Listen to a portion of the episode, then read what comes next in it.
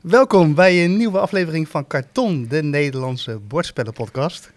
Mijn naam is Jelle van het YouTube-kanaal Spellen Jelle. En uh, mijn naam is Luc van uh, Het Koning Bordspel. En uh, we mogen weer. We zitten er weer. Ruim een maand geleden. Ja, we, we, we, hebben het een beetje druk, Jelle. Wat doen we daaraan? Nou, het is ook gewoon een beetje plannen. Ja, dat is waar. Dus, dus excuus. We gaan vandaag al gelijk de afspraak plannen voor de opname voor de volgende keer. Zodat we dat niet pas over twee weken gaan doen dan vervolgens de conclusie is dat onze agenda's vol staan. Precies, dus we gaan er kijken of we er een beetje een herkenbaar ritme in kunnen krijgen. Dus uh, daar heb ik zin in. Yes. hey, maar um, we hebben weer een uh, boel te verhapstukken. Uh, dus wat zit er vandaag weer in? Nou, zal ik eventjes. Ja, dit kun jij het allerbeste. we, hebben, we hebben uiteraard weer een paar nieuwtjes. Het is wel een beetje komkommertijd, kwamen wij achter. Maar ik uh, denk toch dat we een aantal leuke dingetjes hebben waar we het over kunnen hebben. Uh, we gaan uiteraard weer aan de slag met vragen en opmerkingen van luisteraars. Uh, we hebben weer een versus waarbij we onze, volgens ons, beste solo-spellen tegenover elkaar zetten. mooie top 3 in solo-spellen, want dat is het thema voor vandaag. En we gaan op zoek naar een thema van de volgende keer. En, rapapapapa, we mogen iets weggeven, jawel. Onze allereerste giveaway. en niet zomaar wat, hè? Nee, nee, zeker. Is absoluut leuk. Um, maar uh, die fietsen we zo meteen aan het einde van de nieuwtjes er wel eventjes in. Pakt Jellen hem er mooi bij. Zeggen wat je kunt doen en dan... Uh... Maar geloof me, dit wil je hebben. Ik wil hem eigenlijk zelf ook hebben. Maar ik mag niet meedoen, hè? Nee, mag niet. Dat is jammer. Nee, dus uh, dat gaan we doen. Maar um, wat, zijn, wat is jouw eerste nieuwtje? Nou, voordat we de nieuwtjes induiken, toch nog even, eerst even een ander onderwerpje zoals je dat van ons gewend bent, gaat het wel eens van hak op de tak. Want dit hadden we ons wel voorgenomen. Vanaf de allereerste aflevering dat we hier zitten, hebben we hier uit de koelkast deze blikjes gepakt met van Lemon Soda Energy Drink. Als je kijkt, dan zie je hem nu ook. En je denkt misschien, ah, die jongens zijn al gelijk gesponsord aan het begin van deze show. Maar wij drinken dit omdat we het oprecht heel erg lekker vinden. En jij kent ook degene die dit uh, bij jullie uh, levert natuurlijk in de winkel. Maar dit is dus helemaal niet ooit een, een sponsoring of zo geweest. Maar we vinden het ontzettend lekker en het ziet er ook gewoon tof uit. Ja. En het is denk ik ja, de eerste energy drink die ik dus oprecht lekker vind. Want de Red Bull en zo, daar hou ik echt niet van. Dit is oprecht gewoon, de mensen jellen zeggen nu, wauw, wat een lekker drankje. Dus we willen hem eigenlijk gewoon eventjes een keer uh, nou, wat over vertellen zo, hè? Ja, en weet je wat zo speciaal is daaraan? Hè? Dat uh, Ben, uh, mijn compagnon in de winkel, ehm, die heeft eigenlijk een ja, een catering business, food truck business. En uh, die doet al jaren zaken met die mannen van Lemon Soda. Er zijn uh, Italiaanse Nederlanders, Nederlandse Italianen. En Ben heeft ook Italiaanse roots. En uh, zo zijn er nog wel wat meer dingetjes te, te, te verzinnen. Um, maar um, dit is dus een drankje wat ook daadwerkelijk uit Italië geïmporteerd wordt. En je zult het dus ook niet zo vaak tegenkomen. En wat ik er lekker aan vind, want ik hou helemaal niet van energy. Ja, Red Bull vroeger in de wodka, maar verder niet. Um, maar het is echt anders. De, de soda is gewoon wat frisser. En zeker met deze hitte vind ik het heerlijk. En deze tropical, die drink ik dus stiekem ook af en toe. Gewoon omdat het lekker is. Ja, en omdat we dit nu al voor de vierde keer zo in beeld zetten, gewoon uit onszelf, hebben wij gewoon twaalf blikjes gekregen. Wel als soort van sponsoring, dus dank daarvoor. Ja, sponsoring of waardering voor ja. dat wij uh, ja. nou, fan zijn van hun uh, drankje. Maar mocht je dus een keer in de winkel zijn en je hebt dorst, het is warm, probeer het eens, want het is echt, ja, voor een energy drink voor mij en een nieuwe ervaring echt lekker. Gewoon doen. Ja, en als je niet van energy houdt, kan het ook in sinaas en lemon soda en uh, mojito. En, ja, nou, allerlei smaakjes. Dat. En dan nog één ding voordat we erin duiken, want ik wil ook nog even één shout-out doen. Want er is dus een luisteraar waarvan ik nooit had verwacht dat hij ooit naar deze podcast zou luisteren. En dat waardeer ik zo enorm dat ik ook heb gezegd, ik ga je de volgende keer even benoemen. En dat is mijn broertje Hidde. en die blijkt dus gewoon de podcast te luisteren, maar die heeft niks met bordspellen.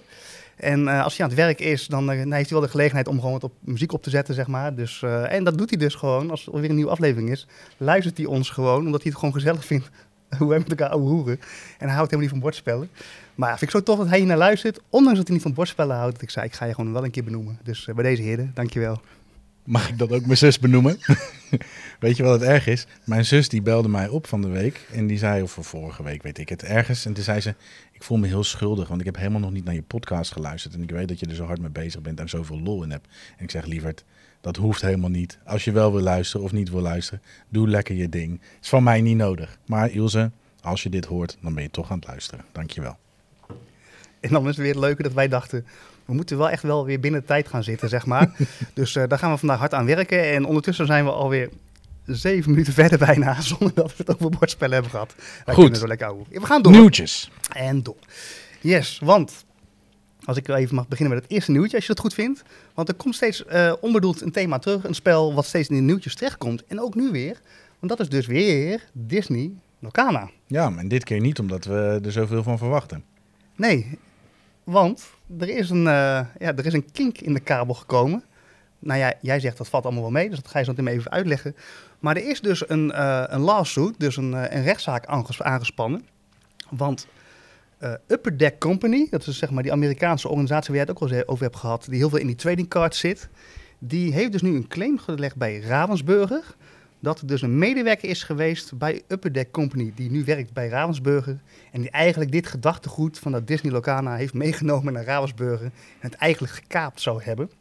Dus ja, je weet hoe dat gaat uh, in Amerika. Daar gaat gelijk, uh, gaan de advocaten op. En nou, dat wordt tot de onderste stapel de onderste steen wordt onderste steen boven gelegd. Nou, in ieder geval, er komt waarschijnlijk een hoop geld bij uh, te makken. Uh, maar goed, dat, dat uh, is interessant, want dat zei ik net tegen jou. Want had je daar wel een interessante uh, gedachte over. Omdat ik dacht, ja, dit, dit, kan wel eens eventjes vervelend zijn voor de verkoop ook. Hè? Dat je denkt van, ja, je, je, je wil misschien gaan instappen in dit spel, in die trading card game. En nu blijkt je ineens misschien wel helemaal niet te kunnen gaan genieten van een spel... als dit misschien wel een hele grote king blijkt te zijn. Nou, als dit spel uit de handel wordt genomen, dan ben ik wel het bokje persoonlijk omdat ik er gewoon heel veel zin in heb en ook gewoon zelf lekker aan, de, aan het spelen ga ermee. Uh, maar ook als winkel zijnde, ja, ik verwacht hier veel van. Maar dit wordt geen kinkjellen. Weet je, ik heb de, de affidavit, uh, het, het dossier wat is neergelegd, is gewoon openbaar. Hè? Uh, dat kun je gewoon inzien. uiteindelijk komt het er gewoon, ja, waar komt het op neer? Dat je een soort ehm, geheim van de winkel hebt meegenomen, geheim van het bedrijf hebt meegenomen en dat uh, ergens anders. Dus concurrentiebeding, daar komt het eigenlijk op neer. Um, wat, er, wat ik denk dat er gaat gebeuren, helemaal niks. In ieder geval niet voor de release van Lorcana. Die gaat niet aangepakt worden of hersteld worden. Zal er misschien een boete komen als een rechter in Amerika vindt dat inderdaad aangetoond is dat dit idee al eerder is ontstaan en dat de betreffende medewerker dat heeft meegenomen naar een andere uitgever, dan zal daar waarschijnlijk een boete of een afkoopsom of wat dan ook. Ik denk dat Upper Deck wil meeliften, een gaatje wil meepikken. En overigens, als dat idee ooit daar is ontstaan, vind ik dat terecht. Hè? Um, maar ja, mensen veranderen van bedrijf. En als de betreffende schrijver, bedenker, um, dat zijn geesteskindje is, terwijl die in dienst van Upper Deck is, is nog steeds het geesteskindje van die betreffende persoon. Dus ik denk niet dat dit zo'n storm gaat lopen. Uh, sterker nog, we hebben net van Ravensburg in Nederland gehoord uh, wat onze toebedeling wordt voor uh, Disney Lorcana. Dus ehm, ook daar zijn inmiddels stappen aan, zijn ze stappen aan het maken. Heel fijn, want dan weet ik een beetje waar ik op moet gaan rekenen. maar ik denk in dit geval is het alleen maar extra publiciteit. En denk ik dat de legal machine van Disney dit wel aan kan. Hmm. Nou ja, dan, uh, dan, hoop ik dat het uh, overwaait en dat we wel binnenkort gewoon lekker kunnen gaan genieten van uh, Disney Locana. Als die pakjes nog wel 3 euro duurder zijn geworden als wat we dachten, dan weten we hoe dat komt. In ja, ja. Nou ja, jij zei net van wat nou als je al pakjes gekocht zou hebben en je hebt dus een illegale kaart in handen. Nou, ik zou een gat in de lucht springen, want zodra het uit de handel wordt genomen en jij bent een van de weinigen die wel illegale kaarten in handen had, Heel goed, want dan worden goudmijntjes, denk ja, ik. precies. Ja, dus eigenlijk is het alleen maar goed nieuws. Ja, zeker. Hey, en ik wilde het eigenlijk hebben um, over de eerste genomineerden voor spellenprijzen. Spiel des Jahres, Kennerspiel des Jahres. Uh, er zijn de genomineerden voor uh, dit jaar uh, duidelijk. En ik dacht dat is wel een interessante. we hebben in Nederland een aantal spellenprijzen ehm, die daar een rol in spelen. Maar de Spiel des Jahres is een herkenbaar logo op veel spellen. Uh, maar de genomineerden verbazen mij een beetje. Dus ik wilde ik even doornemen met je. Uh, als we kijken naar het spiel des jaren, dan is Dorf Romantiek van uh, Pegasus genomineerd. Fun Facts van Repos Production en Next Station London van Blue Orange. Nou, ik weet niet welke van die spellen je kent. Ik ken twee van de drie. ik ken ze alle drie qua naam, maar twee van de drie weet ik ook hoe ze in elkaar steken. Um, jij? Ik moet heel eerlijk toekennen, bekennen dat ik geen van de drie spellen herken. Misschien als ik de doos zie, dat ik denk, oh, die heb ik wel eens voorbij zien komen. Maar ik denk niet van, hier hebben ze wat uh, toptitels te pakken die uh, bij mij goed op mijn radar zijn geweest het afgelopen jaar. Nou, het gaat, Dorf Romantiek is een relatief nieuwe titel. Uh, maar Fun Facts en Next Station London um, heb ik al meer dan een jaar in de winkel. Dus vind ik ook altijd verrassend dat die dan nog ineens naar boven komen drijven. leuk, leuke spelletjes hoor, maar wat wilde je vragen? Nou ja, hoe komt dat dan tot stand? Ja, ik zal eerst nog even de kennerspiel des jaren doen. Uh, en dan dus kunnen we het daar eventjes over hebben. Want de kennerspiel des jaren, dus dat zouden de wat moeilijkere spellen moeten zijn. De wat meer eh diehard spelers, waar we onszelf misschien ook wel onderscharen. Eh, dat is Challengers, een, eh, een veelspeler deckbuilder. Eh Iki van eh, Geronimo eh, uitgegeven. En eh, Planet Unknown, dat is voor jou wel een bekende. Zeker. Eh, heb je ook een keer op die spelmiddag in Nieuwland namelijk gedaan. Mocht ik ook meedoen. Vond ik echt eh, ook wel een toffe. Maar dat zijn de kennerspiel des jaren. Maar ik ken hier, ken ik ze alle drie. Twee heb ik daadwerkelijk gespeeld. Zijn het expertspelen? Zijn het kennerspelen? Hm, ik weet het niet.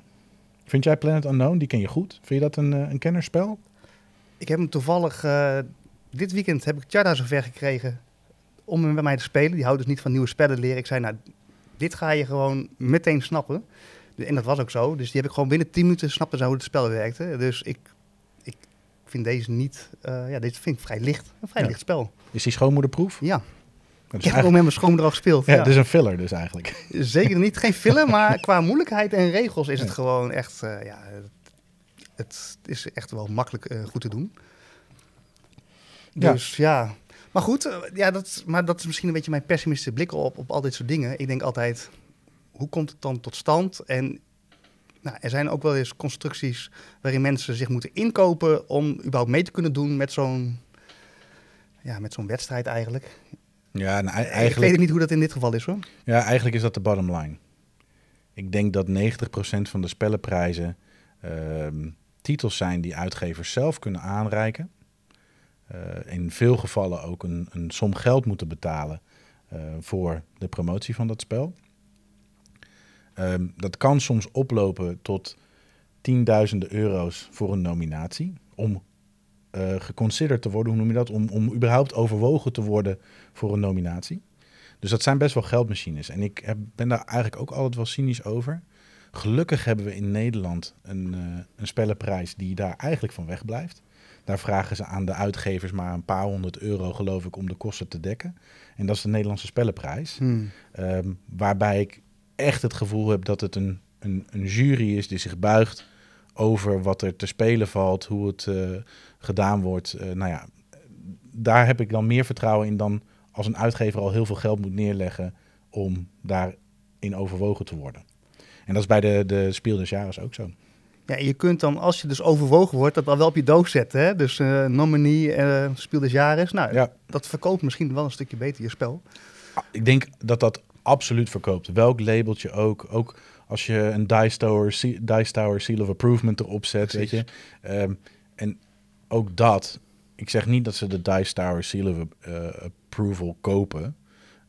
Maar uiteindelijk is dat ook gewoon, we sturen iets op naar een, een, een kanaal wat heel veel volgers heeft. Ehm, zodat ons spel onder de aandacht komt. Ja, that's the way the world turns. Ja. Uiteindelijk zou ik dus pleiten, en misschien gebeurt het ook vaak wel, nou, toch een soort publieksprijs. Eh, en dat is misschien al een lijntje wat we straks sowieso gaan bespreken. Dat, eh, misschien kan je beter alsnog onderdompelen gewoon in de bordspellen communities, ook online. Waarin je gewoon hoort van ervaringen van mensen van wat zijn nou toffe spellen, bepaalde categorieën. Ja, dat is uiteindelijk echt de puurste vorm van, nou ja, je kennis vergaren over is een spel leuk, past het bij mij? In plaats van wat, eh, nou ja, Ja, dat denk ik ook. Ik denk overigens dat op, zodra het een publieksprijs wordt, dan kan het ook een populariteitsprijs worden. Dat is de andere kant van de medaille. En een goede juryprijs, zonder dat er een incentive voor die jury is om een bepaalde kant op te gaan, vind ik wat dat betreft ook sterk. Mm. Eh, ik bedoel, eh, Bastiaan eh Nox, daar is die, zit, zit in, de, in de jury van de Nederlandse Spellenprijs. Eh, en zo ook eh Marieke van de Spelletjesvrienden en Lotte Speelt en zo nog heel veel meer Ja. mensen. Eh, dus dat zijn echt wel mensen die veel spelen, veel ervaring hebben. En nou ja, dat zijn gewoon, denk ik ook wel, ik waardeer hun oordeel. Ehm, een publieksprijs, ja, we hadden het een paar afleveringen geleden over de nummer 1 op Board Game Geek. Hoe een community ineens een spel van de eerste plaats kan stoten of vice versa. Dat is ook altijd riskant. Maar Ja. uiteindelijk denk ik, ik verbaas mij over deze nominaties. Omdat de spellen die ik net noem, waar ik alleen van Dorf Romantiek echt geen goed genoeg beeld heb. Ik vrij doorsnee spellen vind. De Challengers, superleuk spel. Maar het is bijna een partyspel, deckbuilder dan een kennerspel. Hmm. Ehm, fun fact is gewoon een partyspel. Next Station London is gewoon een, een, in de, in de, de flip and ride categorie. De ja, licht. Ja. Dat kan overigens wel, dat zegt niet alles, dat gaan we straks over hebben. Ehm, dat kan ook best wel zwaarder worden. Zeker. Zwaarder dan jij verwacht. Ja, Next Station London is niet zwaar. Nee. Wel leuk, maar niet zwaar. En dat hoeft trouwens ook niet, hè, want eh, Cascadia, die vorig jaar Nederlandse Spellenprijs heeft gewonnen, vind ik ook niet zwaar. nee. Maar die zit ook eh, niet, zeg maar, in de expertspellen categorie. Eh, dus ja, die zit gewoon in de categorie waar die hoort. Maar goed, er is dus wel een duidelijk verschil tussen Nederland en Duitsland bijvoorbeeld. Als je, ziet, als je ziet wat voor spellen er omhoog komen, dus bij dat soort ehm, nominaties, dan zie je toch wel totaal andere spellen eigenlijk. Nou, in de, in, ik denk dat het grote verschil is. ehm, ja, ik, ik noem hem toch weer de Nederlandse Spellenprijs. Ehm, die, daar hoeven uitgevers vrij weinig voor te betalen om op een shortlist te komen of op een longlist te komen. Die juryleden gaan alles spelen en eh, eh, vellen dan hun oordeel. Ja, dan komen er, eh, kun je ook als kleine uitgever misschien een kans maken. En je ziet toch, als ik nu naar dit lijstje kijk, redelijk grote uitgevers. Nou, die van Planet Unknown is dan misschien niet heel erg groot, maar die heeft heel veel bus gehad. Dus dat snap ik dan ook nog wel. Maar ja, dat is best wel een, een, een dingetje. Een Nine and Nine en White Goblin hebben wat dat betreft natuurlijk veel meer massa, macht in de spellenwereld dan een kleinere uitgever. Ja. Dus op die manier kan je dat gat wel, ja, kan je het speelveld eerlijker maken eigenlijk. Ja. Ja. Nou, misschien eh, wel een interessante vraag voor de luisteraars ook. Zou een publieksprijs eh, passend zijn? En, eh, nou Misschien ja. kunnen we een keer de Karton de Podcast publieksprijs, weet je wel, het spel van het jaar van de luisteraars. Ja. ja, ja. Wel een interessante. Gaan we meenemen. Heb jij nog andere nieuwtjes? Ja, het is geen hot nieuws, maar wel nog, ik vind nog wel in het nieuws vallen. Namelijk, je hebt natuurlijk best wel veel legacy spellen tegenwoordig. Dus spellen die je zeg maar gaat spelen en daar ontvouwt zich van alles. En eh, nou, vaak beïnvloedt dat letterlijk ook het spel, het spelmateriaal. Soms kun je legacy spellen ook niet meer opnieuw spelen bijvoorbeeld. En nou is er één spel waar dus een legacy variant op gaat komen, waarvan ik hem nooit had verwacht. En dat is Ticket to Ride. Dus een Ticket to Ride legacy spel. En nou, in ieder geval interessant. Ik eh, dacht wel van, hè, gaan ze dat doen? Eh, er zijn best wel wat, volgens mij, wat ja, goede ontwerpers bij elkaar gekomen om dat te gaan vormgeven. Dus het wordt wel gelijk, goed aangepakt. Ik ben heel benieuwd hoe ze het gaan doen. Hoe je van, hè, Ticket to Ride is een spel waarin je treinspoortjes gaat leggen. Hè, dus treinen op spoortjes en daardoor elkaar vaak dwars zit. En eh, nou, bepaalde routes wil maken. Dus hoe je dat in een legacy vorm gaat eh, gieten. Ik, lijkt mij een uitdaging, maar misschien wordt het wel enorm vet. Ja, nou, ik ben ook wel nieuwsgierig. Eh, Ticket to Ride is voor mij de monopolie van deze eeuw. En daar bedoel ik niet mee dat die spellen op elkaar lijken, maar de toegankelijkheid en in hoeveel huishoudens een Ticket to Ride ligt, is groot. En Ja. dat was in de jaren 70, 80, 90 was dat een monopolie dat overal lag. En eh, wat dat betreft eh, heeft Ticket to Ride een enorm groot publiek weten aan te spreken. Met een relatief eenvoudig spelmechanisme. Ehm, dus ik ben ook heel nieuwsgierig hoe ze daar een legacy variant van kunnen maken. Hij wordt eh, begin november verwacht, dus precies voor de feestdagen. Zal ook niet per ongeluk zijn. Eh, maar de- dat, weet je, dat, eh, ik, ben- ik ben wel nieuwsgierig en ik, ik denk dat ik deze ook wel bereid ben te gaan proberen. Nou, het is bij mij wel altijd afwachten wat de prijs is. En dat vind ik altijd lastig bij legacy spellen. Ik heb eigenlijk ook nog nooit een goed legacy spel gespeeld. Omdat ik het eigenlijk zonde vind als ik het niet nog een keer kan spelen. En soms kun je dan wel weer packs kopen waarin je een soort van kan resetten. Maar ik ben eigenlijk nog nooit overstag gegaan. Wil je weten wat die kost? Gokje 130? Nee, valt mee. De adviesprijs zit op 110. Oh, Eh, is niks. En, eh, Eh, nee, maar eh, om, om even aan te geven, in de, eh, een paar jaar geleden kostte Gloomhaven, eh kon je die nog voor rond de 100, 110 euro kopen. Hm. Inmiddels is die inkoopprijs van een Gloomhaven zo ontzettend verhoogd dat de adviesprijs eigenlijk op 170, 180 euro zit. Eh, dus, en, Ticket to Ride Legacy gaat niet in de buurt komen van Gloomhaven, ga ik even, even vanuit. En, en dat is niet omdat ik daarmee Ticket to Ride tekort wil doen, maar Gloomhaven is gewoon een ander genre. Ehm, maar er, heeft iemand ooit wel iets gezegd over legacy spellen. Want ik heb heel veel moeite met het beschadigen van mijn spel. Want zo zie ik dat als ik een sticker moet plakken. En je kunt wel zo'n removable sticker set erbij doen en weet ik veel wat. Ehm, maar iemand anders zei, je moet eens bedenken hoeveel speelplezier je haalt uit zo'n legacy spel. En dan pak ik eventjes Pandemic Legacy. Ehm, staat natuurlijk hoog in de Board Game Geek eh, lijst ook. Als je dus bedenkt dat je die 12 maanden eh, kunt spelen en je speelt elke maand anderhalf, twee uur, wat dat dan kost per uur. dat spel. En dan Hmm. valt het reuze mee als je het vergelijkt met een potje gaan paintballen of ijskarten of nou, noem maar op. Dan denk ik qua hobby, als je hem zo bekijkt, ik, ik investeer, nou, dan zit je op nog geen eh 5, 4, 5 euro per uur. Met een groepje. Ja, daar kun je geen ander uitje voor eh, plannen. Nee. Een, es- een escape room kost ook al gauw 100 euro. Ja, alleen je moet dus wel altijd met dat groepje bij elkaar komen om het dan om dat ook echt uit te halen. Dus dan moet je wel een commitment met elkaar afspreken. Zeker. Of je gaat hem solo spelen. Kan ook. Dat kan ook. Ja. Maar de vraag is, is dat dan leuk? Wil je dat niet liever delen, hè? Zo'n grote, grootse ervaring. Vraag ik me sowieso af van solo spelen, Jelle. Je wilde eigenlijk deze podcast toch ook alleen gaan doen, omdat het solo zo bevallen was. Dus eh, hey, maar het laatste nieuwtje dan, eh, die eh, is voor mij. We mogen dus iets weggeven, joh. Ja, Wat vet. ontzettend leuk. Pak hem er even bij, Jelle, want het is wel een... nou, is eh, we geven een dobbelspelletje weg. Eh, er gaat binnenkort namelijk een vernieuwde uitgave komen van Marrakesh. Die Essential Edition. eh, Queen Games die, is een samenwerking aangegaan in die zin met White Goblin. Dat zij nu de Queen Games te- tegenwoordig gaan uitgeven.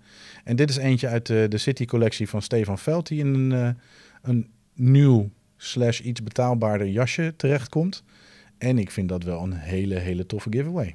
dit is echt een... dat staat trouwens ook op Made in Holland, dat is wel vet.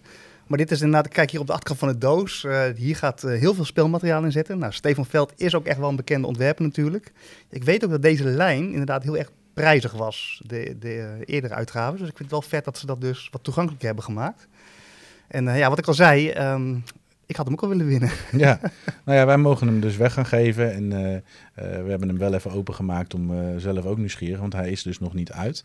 Je kan hem dus hebben voordat hij in de winkel ligt. Dat is ook echt vet. Dus dat, dat vind ik wel heel erg tof. Ehm, dat, dat mogen we doen. En hoe kun je dat nou doen? Ehm, nou, wij hebben namelijk in de comments op onze podcast wel eens wat gekke ehm, situaties gelezen.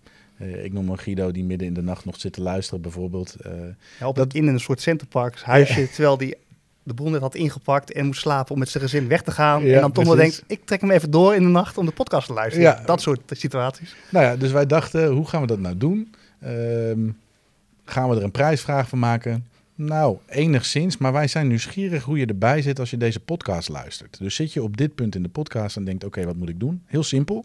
Eh, maak een foto van hoe je er nu bij zit. En dat mag je ook een beetje gek maken. Hoe gekker, hoe beter vinden wij.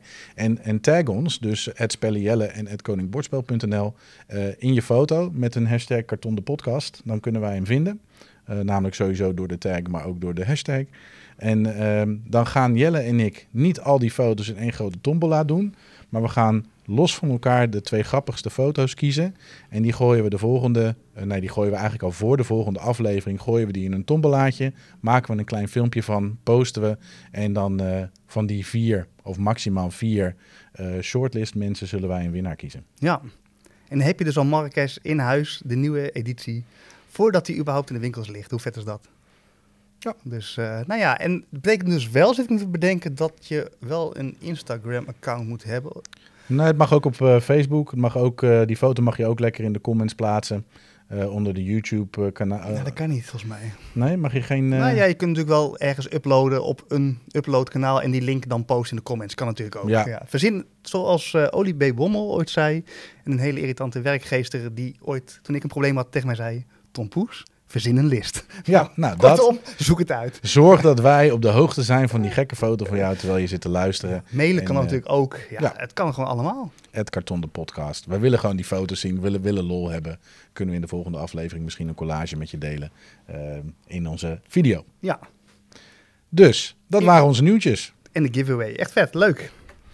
En dan eh, hebben we het segment, we hebben weer wat vragen. En Jelle, jij zei, we hebben wel één probleem misschien. Het wordt wel, eh, we krijgen wel heel veel vragen. Dus eh, voel je absoluut niet gepasseerd als we niet aan je vraag toekomen. We moeten echt keuzes gaan maken. Want anders zitten we inderdaad binnenkort aan de zes uur. En dat, eh, dat is toch ook voor ons een beetje te gek.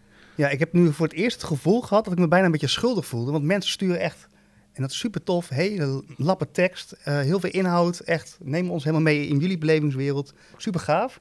Maar dat roept ook het gevoel op van, daar moet ik allemaal op reageren. Maar er is gewoon zoveel, dat, dat, dat is gewoon eigenlijk ook niet mogelijk. Dus weet dat we het lezen. We lezen alles. eh, we waarderen ook alles. En we hebben uit die stukken ook gewoon de vragen gedestilleerd. Het kan zijn dat we inderdaad niet alle vragen beantwoorden, want het wordt anders echt een hele lange podcast. En we willen juist weer iets korter als de vorige keer. Ehm, dus weet dat. Maar we waarderen het enorm. Blijf het vooral ook doen. En uh, nou ja, voel je in ieder geval niet gepasseerd. Als je deze keer er niet erbij zit, dan is het de volgende keer wel. En uh, we hebben nu in ieder geval een paar keuzes gemaakt aan uh, vragen die we of zelf uh, op ons hoofd gingen krabben, of die een beetje in lijn liggen met het thema. En de eerste vraag die heb ik eigenlijk voor jou, Jelle. Sienna Lover, die vraagt uh, aan ons: als wij solo spellen spelen, wat hebben we dan liever? Een automa of een beat your own score principe? Ja. Nou, jij bent de ervaren solo speler, ik niet. Dus ja. uh, die vraag leg ik in eerste instantie bij jou neer. Ja, ik ga daar straks wat uitgebreider op in als we het thema gaan behandelen. Maar ik ben echt een groot liefhebber van een fictieve tegenstander, dus een automa. Dus dat ik gewoon een spel kan spelen dat met het idee, zo speelt hij ook als ik een tegenstander heb die fysiek bij mij in dezelfde ruimte zit. En ik ben gewoon niet zo fan van beat your own score. Omdat je, ja, dat betekent dus dat je een score kan halen en de volgende keer wil je net iets hoger scoren als de scores daarvoor. Ja, en dat mist voor mij net wat uitdaging en ook zin om dat te doen. Het, het gevoel van een reward, hè, van oh, dat heb ik even gedaan. Ik heb nu 84 punten en de vorige keer 82 punten. Ja, dat is niet echt waar ik heel erg warm van word. Um, maar, maar dat komt ook verder. Het, daar kunnen ook weer twists in komen, waardoor je, bijvoorbeeld als je boven bepaalde scores gaat komen, dat je dan uh, extra opbrengst krijgt. Dus dat er soort van, toch een soort van cadeautjes aankomen te hangen, waardoor je toch denkt, ik ga die bepaalde score halen, want dan levert me dat iets op. Dus daar zit ook nog wel een soort middenweg in. Uh, hoe ze dus ook die beat your own score proberen te fine-tunen naar een iets aantrekkelijker systeem. Maar uiteindelijk zou ik gewoon altijd kiezen voor een automa. Ja, ik had dat, het, misschien heb ik dat de vorige keer wel genoemd, maar het, het eerste spel wat ik ooit solo probeerde was Clever. En het was Dobbel zo Clever Mind, de Clever reeks in ieder geval. En uh, waar ik toen een beetje op afhaakte, ik heb het netjes afgemaakt en ik wilde een goede score neerzetten, is dat op een gegeven moment dat je, als je dezelfde cijfers gooit, dat dan degene die het verst van het bakje af ligt of zo, dat is dan degene die je op het dienblaadje moet leggen als je voor je fictieve tegenstander dobbelt. Je inactieve beurt dobbelt, zeg maar. En dat, dat vond ik gewoon niet zo heel erg boeiend. Ik voelde ook niet de behoefte, terwijl ik mega competitief ben ingesteld om mijn score te gaan verbeteren. Want eigenlijk was de score heel triest. Ik scoorde normaal gesproken best aardig bij de Clever Reeks. Maar die uh, solo scoren, dat ik dacht, uh, er stond nog net niet, je bent een sukkel. Maar nou, zo voelde ik me wel. Dus da daar werd ik niet heel warm van. Maar ik vroeg me wel met deze vraag af. En eigenlijk benoemde ik net al. Ja, Legacy kan je ook alleen spelen. Dus dat is nog een variant. Een, verhalend spel alleen. Uh, ja, misschien wel. Waar valt uh, Marvel Champions onder? Is dat een automa? Is dat een, een verhalend... Hoe, welke categorie zou je die in stoppen dan? Dat is een goede vraag. Daarin uh, heb je een win- of verlies uitkomst. Dus je speelt tegen een tegenstander, een villain, die iets doet. Dus je, of je wint of je verliest. Ja, dus het is eigenlijk geen automa, maar wel een beetje een versus matchup of zo. Ja. ja, waarbij je dus ook kunt verliezen. Ja. Zo, dus je kunt inderdaad um, bij een beat on score, dat haal je altijd. Alleen het is maar net wat voor score eruit komt. En Marvel Champions is, uh, ja, dat, dat ga je gewoon aan voor de winst of de verlies. En uh, waarbij dus de tegenstander niet echt een, een, een fictieve tegenspeler is, zeg maar, die je, die je zou hebben als je in dezelfde ruimte zit. Dus dat is gewoon een eigen apart systeem wat totaal niet te maken heeft. Dat zijn maar een paar stapjes en een paar kaarten. En, uh, ja, dus dat, dat zit er een beetje in het midden. Ik weet eigenlijk niet hoe je dat noemt. Nee. Nou, ja, maakt ook niet uit. Het zijn, ik denk dat je het gros van de solo-spelen wel vangt met de Automa of Beat Your Own Score principes. Dus uh, ja, ik denk, ik denk dat ik persoonlijk ook eerder voor een um, Automa ga. Omdat je dan in mijn ogen een meer realistische spelervaring hebt die je met meerdere ook zou hebben. Maar goed, dat zegt ook iets over hoe, of ik graag solo speel of niet. Ik, wil ik vind het al lang mooi dat je deze vraag zo ook beantwoordt. Ik voel echt al dat je, mij, dat je ook in de community niet bent. Welkom. nou ja, ik, ik heb mijn best gedaan. Ik heb beloofd mijn huiswerk te doen. Dat heb ik ook echt gedaan. Dus uh, ja. Daarom heeft die podcast ook zo lang geduurd. Jij moest, maar, ja, je moest daar helemaal induiken natuurlijk. Ja, zeker. hey, um, ik heb een vraag voor jou. En die kwam van uh, Miles Maverick 1246, om het even helemaal te noemen. Uh, en die zei onder andere: um, bij welke uitgevers Hebben jullie zoiets van, hé, hey, dat is echt een instant buy, hè? daar zijn we echt fan van. Je weet gewoon, als die uitgever iets uitgeeft, dat willen we hebben. Of zijn er zo kleinere uitgevers die misschien wel pareltjes hebben die het grote publiek nooit halen? Nou, die zijn er ongetwijfeld. Ik vond het een. ehm, ik ben blij dat ik hier even over nog mocht nadenken, zeg maar, voor de podcast. Dus je stelde hem toen we aan het opbouwen waren. Eh, instant buy is voor mij een redelijke makkelijk antwoord. In die zin dat ik wel meteen twee uitgevers naar boven haal waar ik enthousiast van word. Eh, de ene is Final Frontier Games. eh, eerder benoemd omdat we het over de Mico hadden, waar ze vaak mee samenwerken. Ehm, eigenlijk zitten die spellen altijd wel goed in elkaar en zijn die ook appealing to the eye. Dus word ik daar enthousiast van qua aanwezigheid op tafel. En eh, Simon Games is een andere. Er zit voor mij wel één nadeel bij. Eh, Simon is wel heel groot en heel duur geworden. Dus eigenlijk zijn de spellen die ze uitbrengen, daar word ik enthousiast van. Ehm, ik denk dat het in het verleden een instant buy wordt, eh, was. Maar vanwege de hoge kosten van het importeren vanuit Amerika... moet ik zeggen dat ik hun kickstarters tegenwoordig niet meer back. En wacht tot ze gewoon in de winkel zijn. Ja, je hebt dus inderdaad wel echt uitgevers waar jij automatisch al echt wel begint te kwispelen, zeg maar. Ja, Ja. ja. En, en, en voor jou zijn er grote uitgevers of heb je juist die kleine eh, in de gedachten? Nou, de enige die bij me opkwam, maar ik heb daar volgens mij helemaal geen spel van, is wel wat ik altijd in de gaten hou. En dat heeft dus te maken met solo spelen. Dat is ehm, chip theory games. Dus die is bijvoorbeeld van ehm, Too Many Bones en Burn Cycle. Dus het zijn eigenlijk spellen die gericht zijn op solo spelen. Dat zijn dan vaak hele dure, hele uitgebreide spellen. Dus die heb ik niet, maar die zijn eigenlijk wel altijd heel erg goed. Dus die staan eigenlijk altijd eh, op mijn wishlist.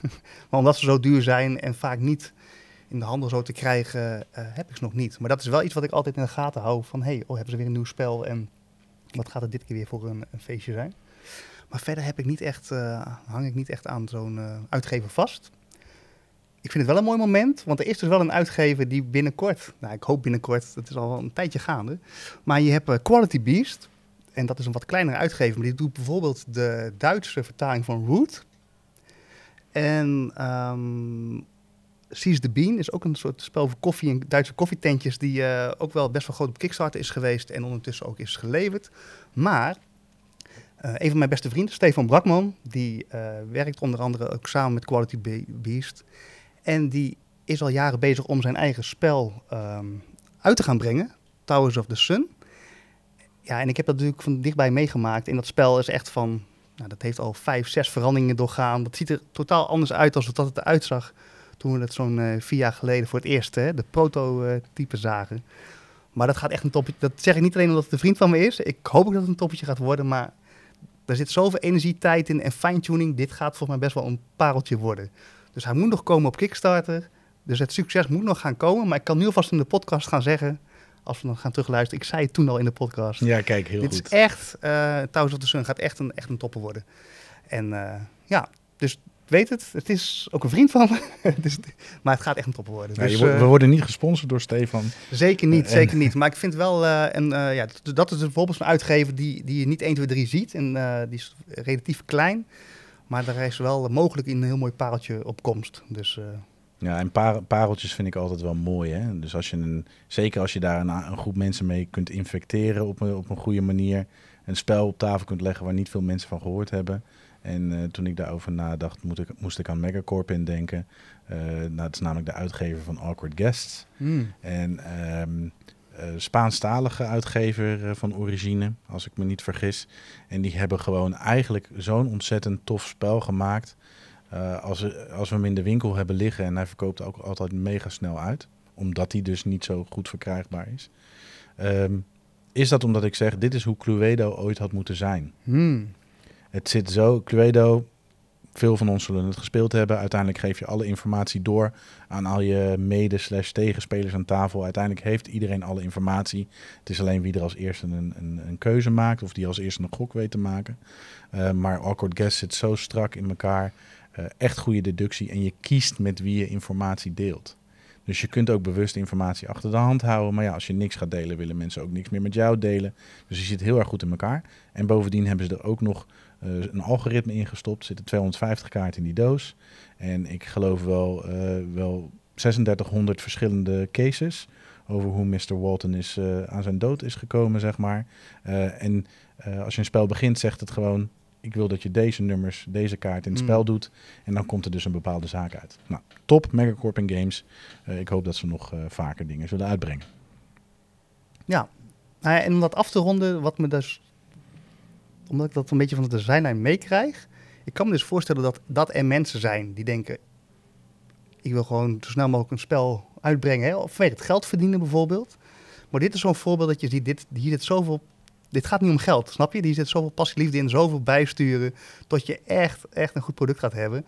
Ja, dus dat, dat, dat gaat zich uiteindelijk uitbetalen, denk ik, door al die ja, de energie, positieve energie die erin is gestopt. Het heeft niet te maken met geld verdienen dit. Maar misschien is dat sowieso niet in de bordspellenwereld. Nou ja, wees daar voorzichtig mee. Hmm. Uiteindelijk eh, zijn er mensen die geld moeten verdienen. Het zijn die unieke schrijvers van de bordspellen die vanuit passie beginnen. Maar ja, Ja. ik heb wel eens begrepen van, van een grote uitgever die ik niet eh, bij naam zal noemen, eh, dat ze soms vanwege contractbesprekingen ook bepaalde titels in hun assortiment moeten meenemen. Terwijl dat eigenlijk niet zulke hele goede spellen zijn.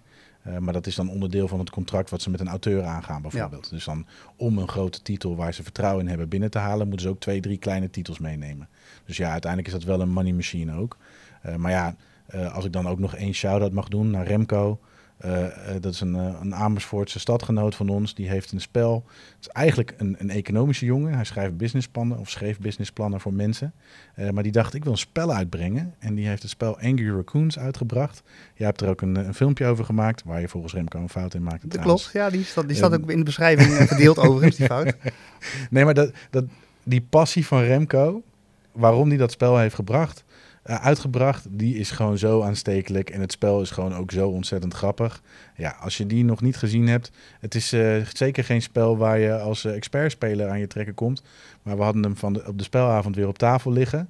En eh, er waren mensen die eigenlijk naar huis wilden gaan, maar die bleven om de tafel heen staan omdat ze zo moesten lachen om de interactie die plaatsvond. Ja, Ja, precies. Dus eh, Remco, ook naar jou nog een shout-out.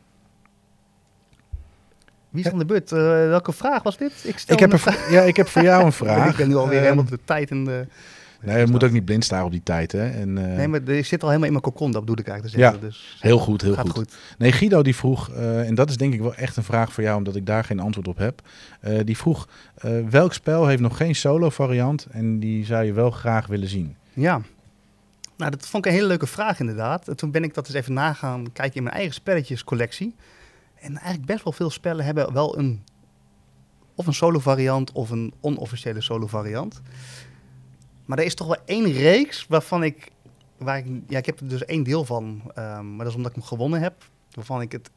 Ik zou daar heel graag in willen stappen. En dat is dus Unmatched. En Unmatched is echt een spel wat je echt met meerdere spelers moet spelen. Er komt dus, ook al eerder in de podcast genoemd als nieuwtje, een deel uit wat co-op is en mogen dus ook solo te spelen. Dus het gaat Zeker. wel die kant op. Ik denk alleen niet dat je dan dus met de personages die nu, hè, ik zie op de achtergrond, daar staat ook allemaal unmatched, of je dat allemaal mee kan nemen in zo'n spel. Maar de, ja, het, het spel Unmatched zou ik eigenlijk heel graag solo nog veel uitgebreider willen zien. Eh, met misschien wel een goede auto, maar waardoor je dat gewoon ook helemaal kunt gaan beleven in je eentje.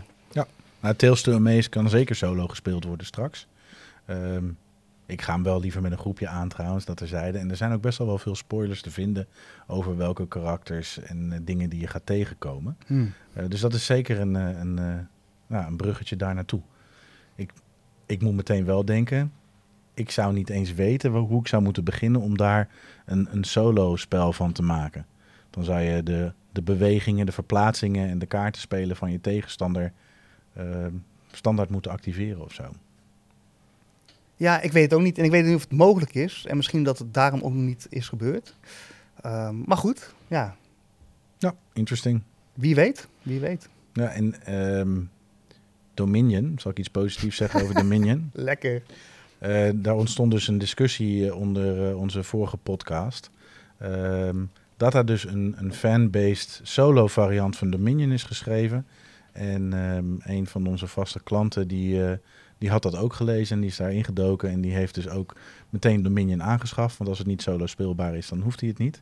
Eh, en probeert dat dus ook solo uit. Dus vergis je ook niet wat de fanbase af en toe op tafel kan leggen eh, aan mogelijkheden voor solo-spelers. Ja.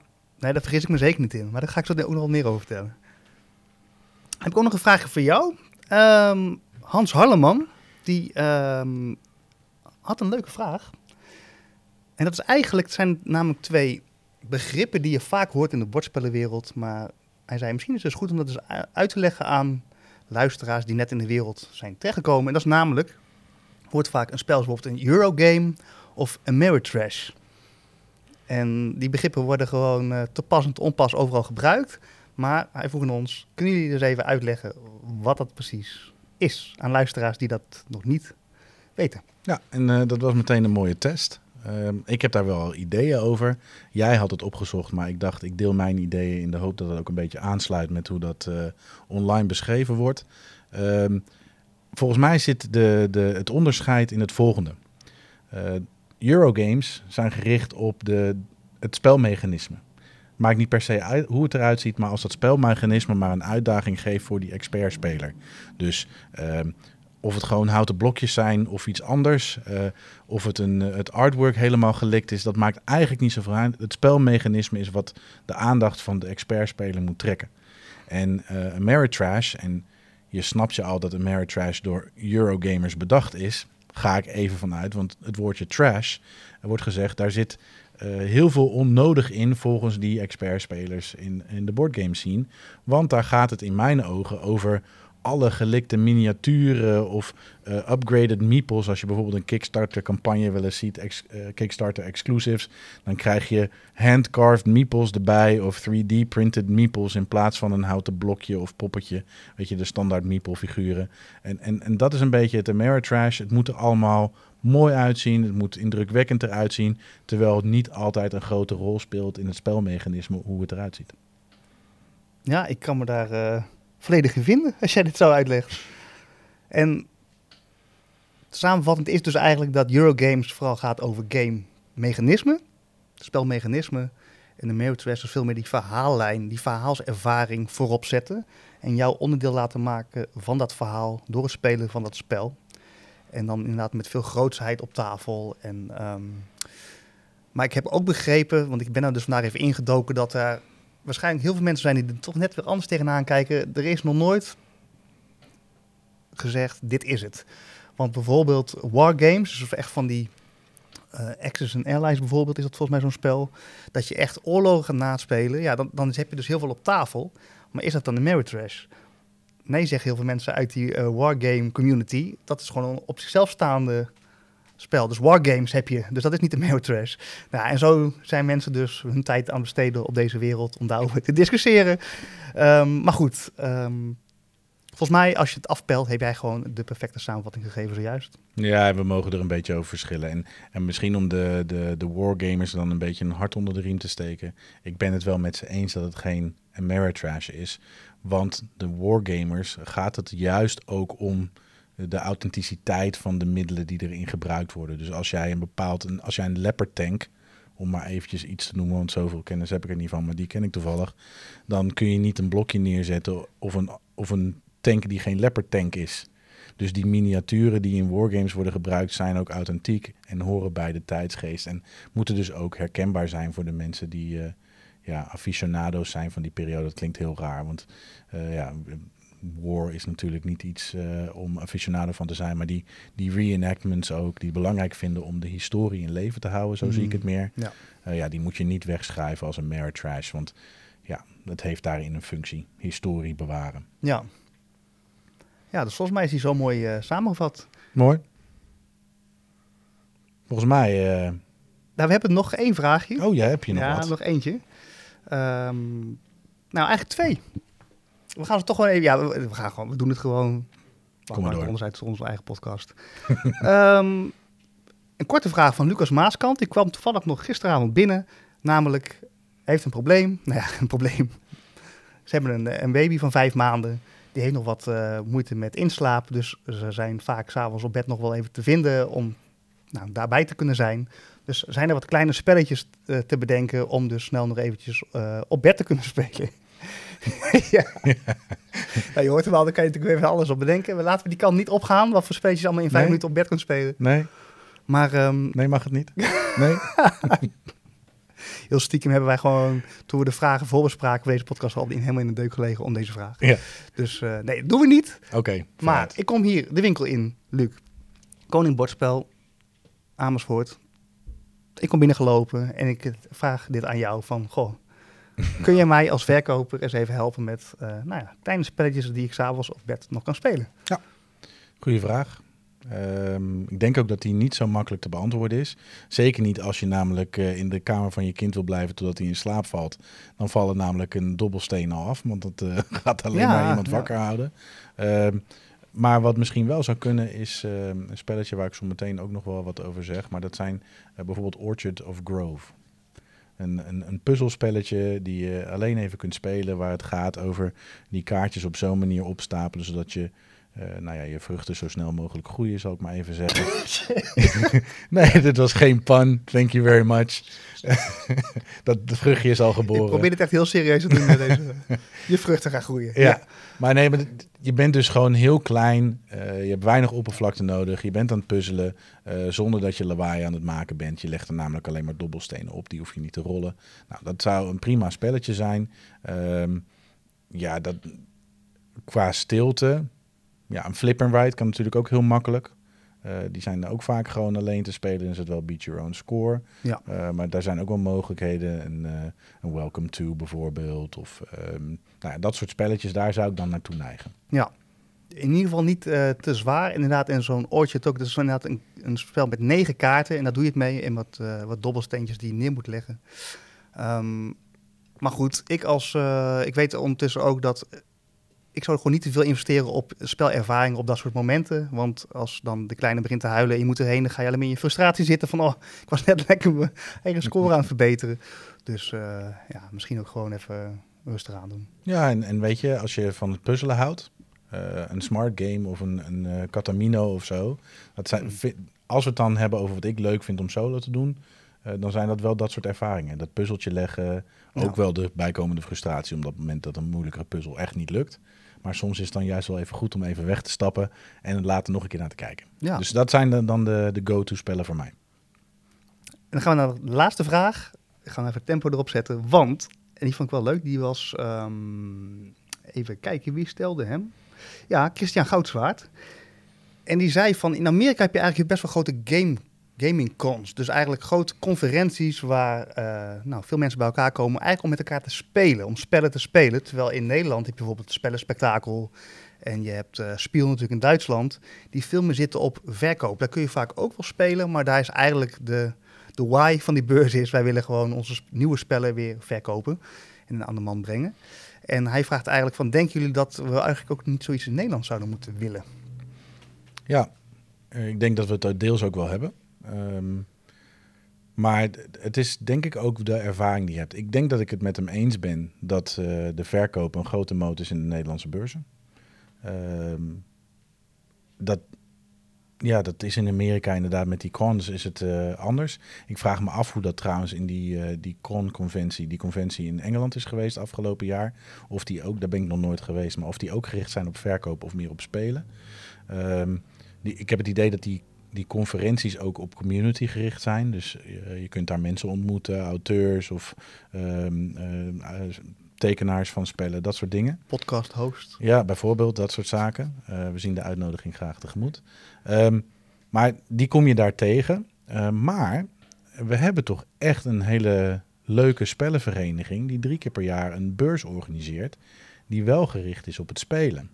En nou, dat, dat gaat over Ducosim. Um, voor de mensen in Amersfoort is die misschien sneller bekend dan voor de mensen buiten, omdat ze de beurs hier in Amersfoort in Theater de Flint organiseren.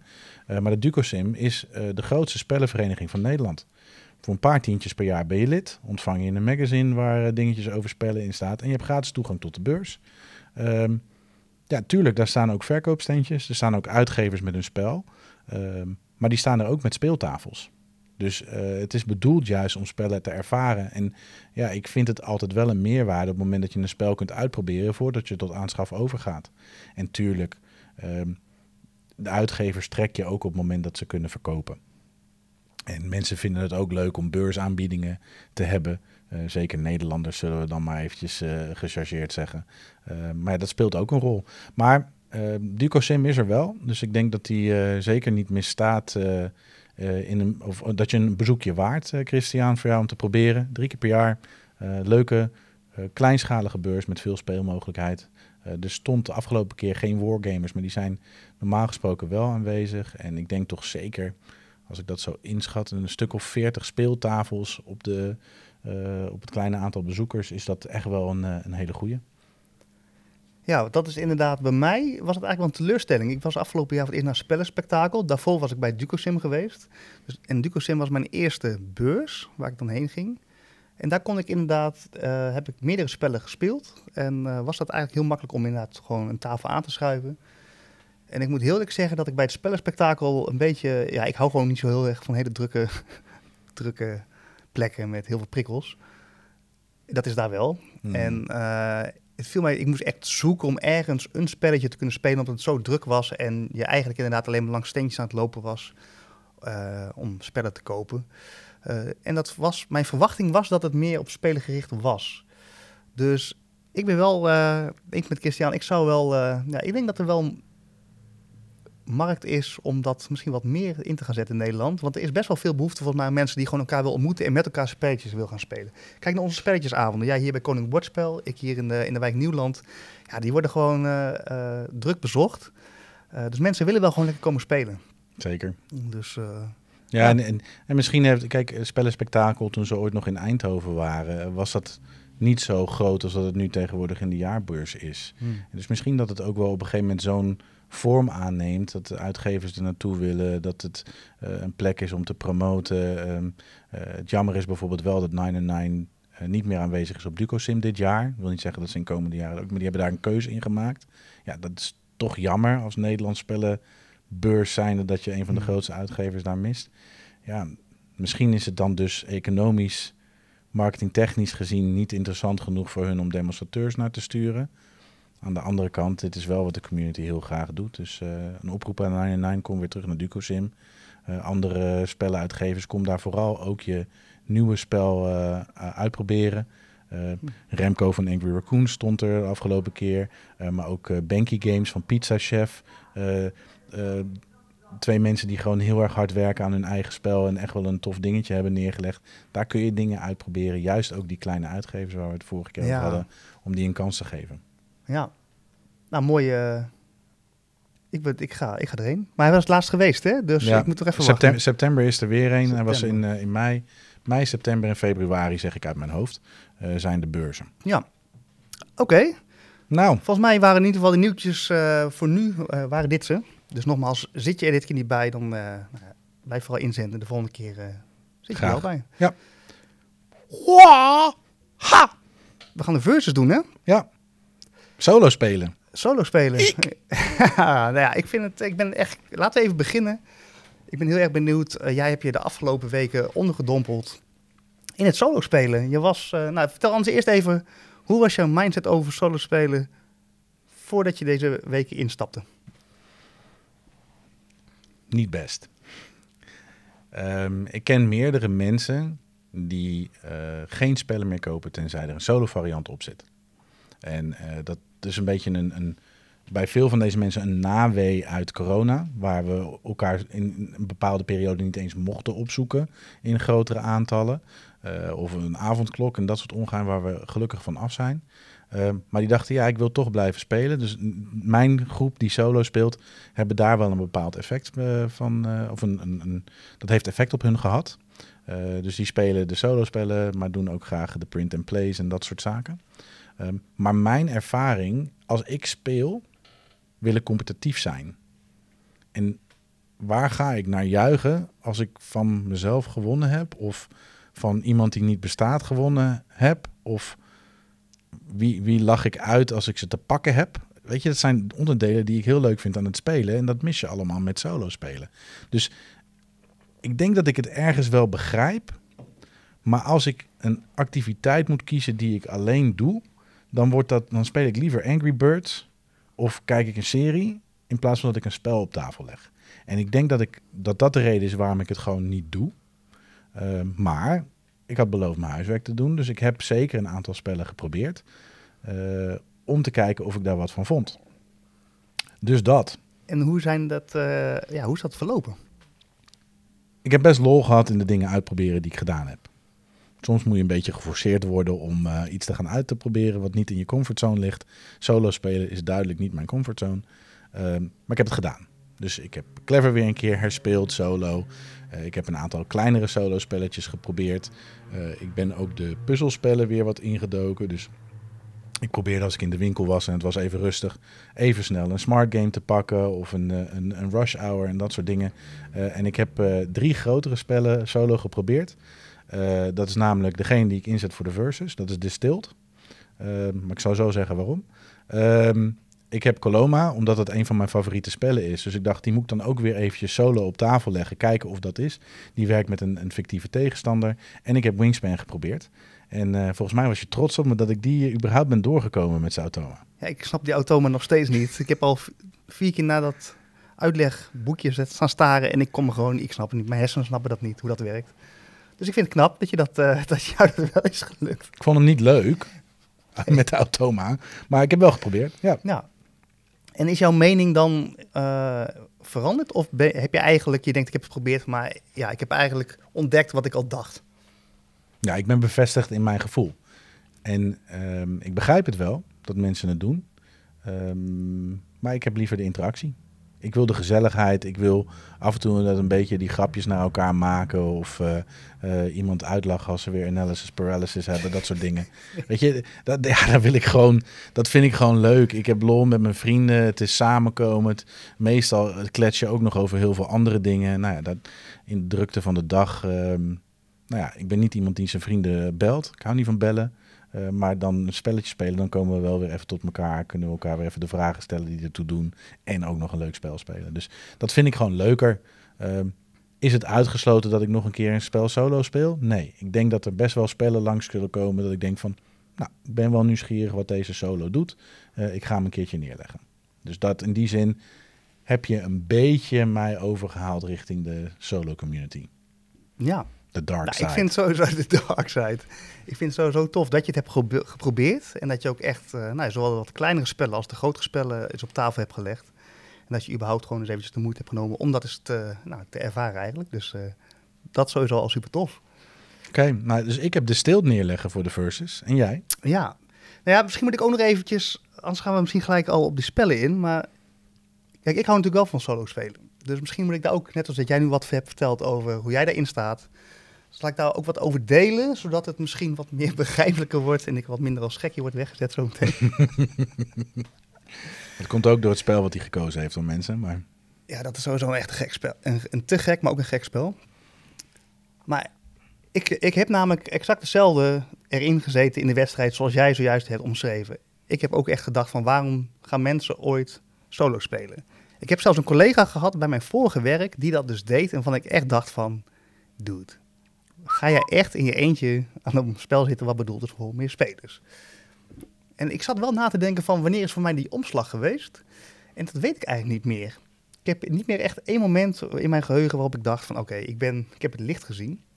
Maar ik denk wel dat dat rond coronatijd wel is gekomen, omdat je natuurlijk wel gedwongen werd om wat meer alleen te doen. Maar voor mij is dus een switch geweest dat ik dacht, hey, als ik in de wedstrijd zit, zoals jij het omschrijft, ik wil lol maken, ik, wil, ik, hou daar, ik, ik ben een soort speler, ik hou van de interactie. Als ik iemand kan dwars zitten, dan, uh, ja, dan zit ik al in mijn handen te wrijven. Maar als ik dat gewoon even wegzet en ik ga eens kijken, kan ik gewoon is effectief een puzzel oplossen? Dus of je nou een kruiswoordpuzzel maakt, of een puzzel legt, of een bordspel op tafel legt. Als ik dus met een andere mindset dat ga doen, dan ontstaat er ook een ander ja, ik, ga er met een andere verwachting in. En dan is er dus blijkbaar iets bij mij ontstaan waarvan ik dacht, hey, dit is ook gaaf. En ik ben dus niet een pure solo-speler. Er zijn ook mensen die alleen maar solo spelen. Die twee werelden bestaan voor mij naast elkaar. En ik vind het heel fijn dat ik nu dus naar mijn collectie kan kijken, ook in voorbereiding van deze aflevering. En dat ik eigenlijk al mijn spellen altijd kan spelen. Ik ben niet afhankelijk van, hey, kan Luc uh, vanavond uh, niet? Oh, dan kan ik helaas het spel niet op tafel leggen. Nee, ik kan al mijn spellen altijd spelen bijna alle spellen. En dat is natuurlijk wel een enorme winst als je een spellenliefhebber bent. En je dat ook nog zelf weet te waarderen. Maar er zit nog een diepere laag onder. En ik, ik weet niet zo goed, ik ga hem gewoon eens even uitspreken. Ik kan het niet met, uh, met onderzoek zeggen dat het echt zo is, maar ik wil hem wel eens voorleggen. Als we hem even uitzoomen. Ik heb wel het idee dat bordspellen vaak zeggen. Uh, nee, de manier van hoe jij spellen speelt zegt vaak iets over jou als mens. Dus als ik jou niet ken en wij gaan samen een spelletje spelen, dan kan ik er vrij snel achter komen door je speelstijl en hoe jij keuzes maakt, hoe jij bent in het leven. Ben je dat met me eens? Ik ben namelijk best, ik kan best wel backstabbery zijn met bordspellen spelen. Ja, waarschijnlijk dat ook wel in het echt. Ja, ik moet niet zeggen dat je een klootzak bent in het echt, maar, nee, maar snap je? Uh, maar ben je het wel met me eens? Kan je erin vinden met mijn uh, hypothese dat het, de manier waarop je spellen speelt vaak ook iets zegt over hoe jij als mens speelt? Ik denk, misschien scherp ik hem dan aan of nuanceer ik hem dan. Ik denk dat je iemand best wel kunt leren kennen door hoe ze, hoe ze spelen. Ja. Ik denk niet dat het al omschrijvend is van iemands persoonlijkheid, maar uh, humor kun je heel snel ontdekken als je samen met mensen speelt. Uh, je kunt ook de hardheid van mensen. Hè? Uh, Onno eerder genoemd, zijn uh, vrouw is bikkel, bikkel, bikkel hard in het bordspellen spelen. Die, daar win je ook niet vaak van. Die, die, is echt. Ik geloof dat het met Terraforming Mars wel meevalt, want die spelen ze het vaakst. Maar als ik met haar Terraforming Mars speel, holy Moses. Die ja. wordt er heel gelukkig van als ze weer heeft dwars gezeten. en dat zit ze heel vaak. Dus Angela, bij deze wordt je ook genoemd. Maar ja, dus ik denk wel dat je op een fijne manier iemand kunt leren kennen door het spelen van bordspellen. En dat je soms dus ook wel een beetje het achterste van je tong laat zien. Precies. Maar ik ben geen backstabber in het echte leven. Terwijl ik dat in het spel wel ben. Ja. Maar goed, er zit wel hmm. enige vorm van hè, dat daar iets in zit. Zeker. Ik heb bijvoorbeeld de, het spel, het mechanisme wat ik het minst leuk vind, er zijn dus co-op spellen. Want ik vind het eigenlijk helemaal niet fijn. Ik ben niet een goede teamplayer. Ik kan wel in een team werken als we allemaal een eigen rol hebben, maar ik kan niet ik hou niet van in een team werken. Hmm. Snap je? Interessant, ja. Ik vind het ook lastig om met mensen om te gaan die dan uh, namelijk gaan besluiten, de alfa-spelers, van zo zit het en jij moet ah, elke ja, keer gas geven. Dus ik heb uh, juist dat mechanisme, zegt, zegt dus ook iets over mij als mens. Snap je wat ik bedoel? Zeker. By the way, ik knipoogde niet naar de camera, maar naar die twee jongens die een duimpje opstaken buiten. Ja, precies. Uh, onze, onze, twee ik, fans. Ik, ik betrapte me erop dat ik een hele grote knipoog maakte, sorry. Ja, dus, dus spellen, en hoe je spellen speelt. Nou, dat, dat, dat zegt, er zit nog een laagje onder. Die kunnen we in ieder geval vaststellen. Ja, dat denk ik ook. En nu gaat die komen en ik, ik, ik, ik denk dat het zo zit, maar ik kan het niet hard maken. Als we het hebben over solo spellen, dan kom je volgens mij ook op het stuk, kan je goed alleen met jezelf zijn? Oeh.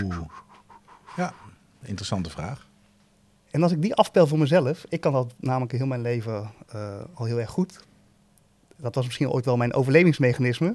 Hè? Dus de hele wereld kan instorten, maar ik red mezelf wel in mijn eentje. Uh, en dan kom je veel meer op het verbinding maken, is misschien iets wat je in je latere leven juist hebt moeten leren. Um, maar ik kan heel goed in mijn eentje. In, ja, zet mij overal neer en ik red me wel in het leven. En ik vind mezelf eigenlijk ook gewoon heel gezellig. Dit bedoel ik niet. Nee, maar je hebt ik, ik kan het wel gewoon goed met mezelf vinden. Jij bent, zeg maar. ik blij met, dwars. Je bent blij met wie je bent. Je bent uh, gelukkig met jezelf. Het lijkt me best heel belangrijk om dat... Uh, mag je best uitspreken ja. hoor. Dus... Ik heb dus ook in... Dus dan ga, en nogmaals, dit is een hypothese hè. Maar in het solo spelen kan ik dus ook... Vind ik, het heel, ik vind het heel fijn om gewoon met mezelf uh, dat spelletje te spelen. Ik heb niet direct dus invloeden van anderen nodig om mezelf een gelukkige mens te voelen. Dus dat, dat jennen en dat dwars zitten, dat vind ik, hou ik van. Maar dat is natuurlijk ook een manier om contact te maken. Um, ja. Het winnen, het, het, hè, tegen wie moet ik toch winnen? Ik heb dus, dan heb je dus eigenlijk altijd anderen nodig om je goed te voelen over jezelf. dus mogelijk zou het kunnen zijn dat mensen die van solo bordspellen houden, uh, nou ja, mensen zijn die dus best oké alleen kunnen zijn. En, uh, en dat het dus ook iets ongemakkelijks met zich meebrengt als je dat misschien wat minder gemakkelijk gewend bent. Wat vind je van deze hypothese? Ontzettend interessant. Ik heb weer huiswerk. Ik moet eventjes een zelfevaluatie in, uh, inlassen komende week. Um, ja, ik vind het een hele interessante hypothese. Kijk, ik denk dat er uh, natuurlijk meer facetten zijn dan bordspellen in het leven. Dat is natuurlijk bijna niet zo voor ons, dat snap ik ook wel. Maar um, ik kan namelijk ook best wel heel goed dingen alleen doen. Um, ik voel me ook daar best wel nang bij. Ik kan bijvoorbeeld uren sudokootjes doen heb ik geen andere mensen voor nodig.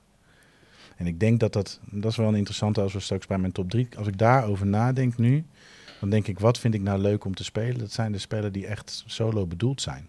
Hmm. Waar geen competitievariant of een tegenspeler überhaupt bij nodig is.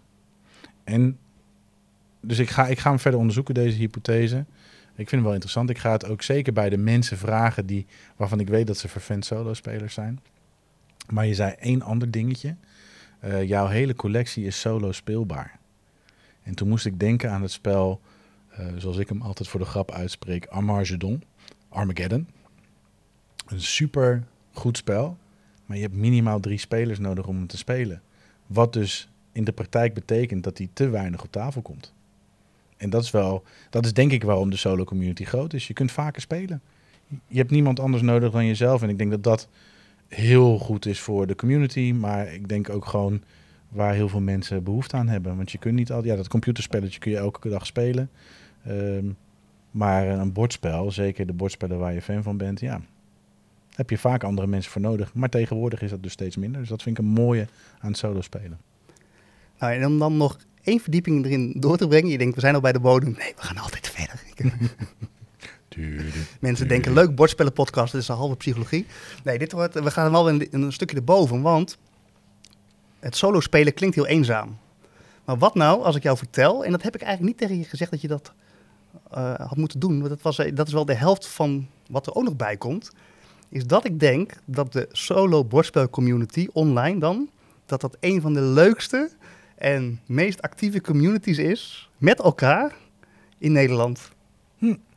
Het is natuurlijk een niche, dus daar zitten gewoon mensen bij elkaar die uh, ja, dat, dat, toevallig allemaal leuk vinden.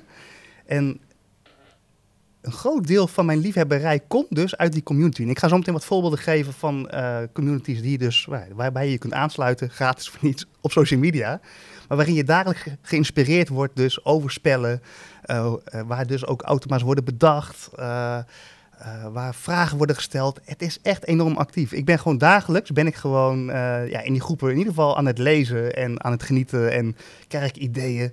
Dus waar, je denkt, er zitten allemaal mensen alleen in een kamertje solo te spelen, is eigenlijk het andere waar. Die vinden elkaar allemaal en die, ja, die maken echt dagelijks gewoon een, ja, heel veel plezier in hun hobby. Ja, super mooi. dus, dus dan is het ineens ja, wordt het toch grootser en samen met. Terwijl je allemaal wel alleen het spel aan het spelen bent. Nou, en om dat nou even te concretiseren. Heb je Facebook, dit is wel een Facebookgroep. Ga dan vandaag nog naar uh, solo bordspelers ja, Nederland-België. Is NL BE. E. En um, ja, dat is uh, ja, gewoon een grote groep. En uh, super actief. En daar uh, word je van harte welkom geheten. En uh, ja, pas dus wel op voor je portemonnee. Want je denkt in één keer: wow, zijn al deze spellen zo te spelen? En oh, die, die schaven, die schaven. En ineens zit je in zo'n wereld waarvan je denkt: ik wist niet dat die bestond. Dus ga daarheen. De Belgische variant, dus die pure Belgisch gerecht, maar waar volgens mij ook gewoon veel Nederlanders zitten, is dus de solo-spelers. Ook erg actief. Dus die wil ik ook zeker even benoemen, ook op Facebook. Dus uh, sluit je daarbij aan. Die hebben we ook laatst uh, op Instagram een pagina aangemaakt. Nou, eigenlijk die twee groepen, plus nog solo board gamers, gewoon een, een Amerikaanse is dat. Daar zit ik ook bij, maar die is bijna te groot dat je niet meer echt de persoonlijkheid erin voelt. Um, dus ik zou gewoon, als je toch iets van enthousiasme voelt naar dit pleidooi, daar eens uh, nou, bij, bij aansluiten en je laten inspireren. Dan wil ik nog even één Instagram-account en ook Facebook-account noemen van uh, Stijn. Die heet Stygian Play Solo. En dat is eigenlijk een Nederlander die gewoon, uh, nou ja, al zijn social media richt op solo spelen. Hele goede, uitgebreide reviews maakt. Um, uh, echt heel veel, heel veel werk in stopt. En nou, daar haal ik ook heel veel inspiratie uit van nou ja, spellen die je solo kunt spelen.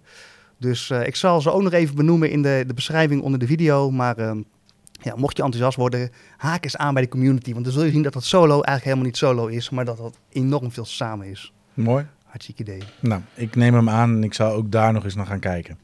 Maar wat heb je nou meegebracht? ik heb... ja, we gaan die battle, hè. Dus... Oh ja, ik weet wel wat jij bent. De Drunken Monkey. ja, we gaan uh, battelen. Ja.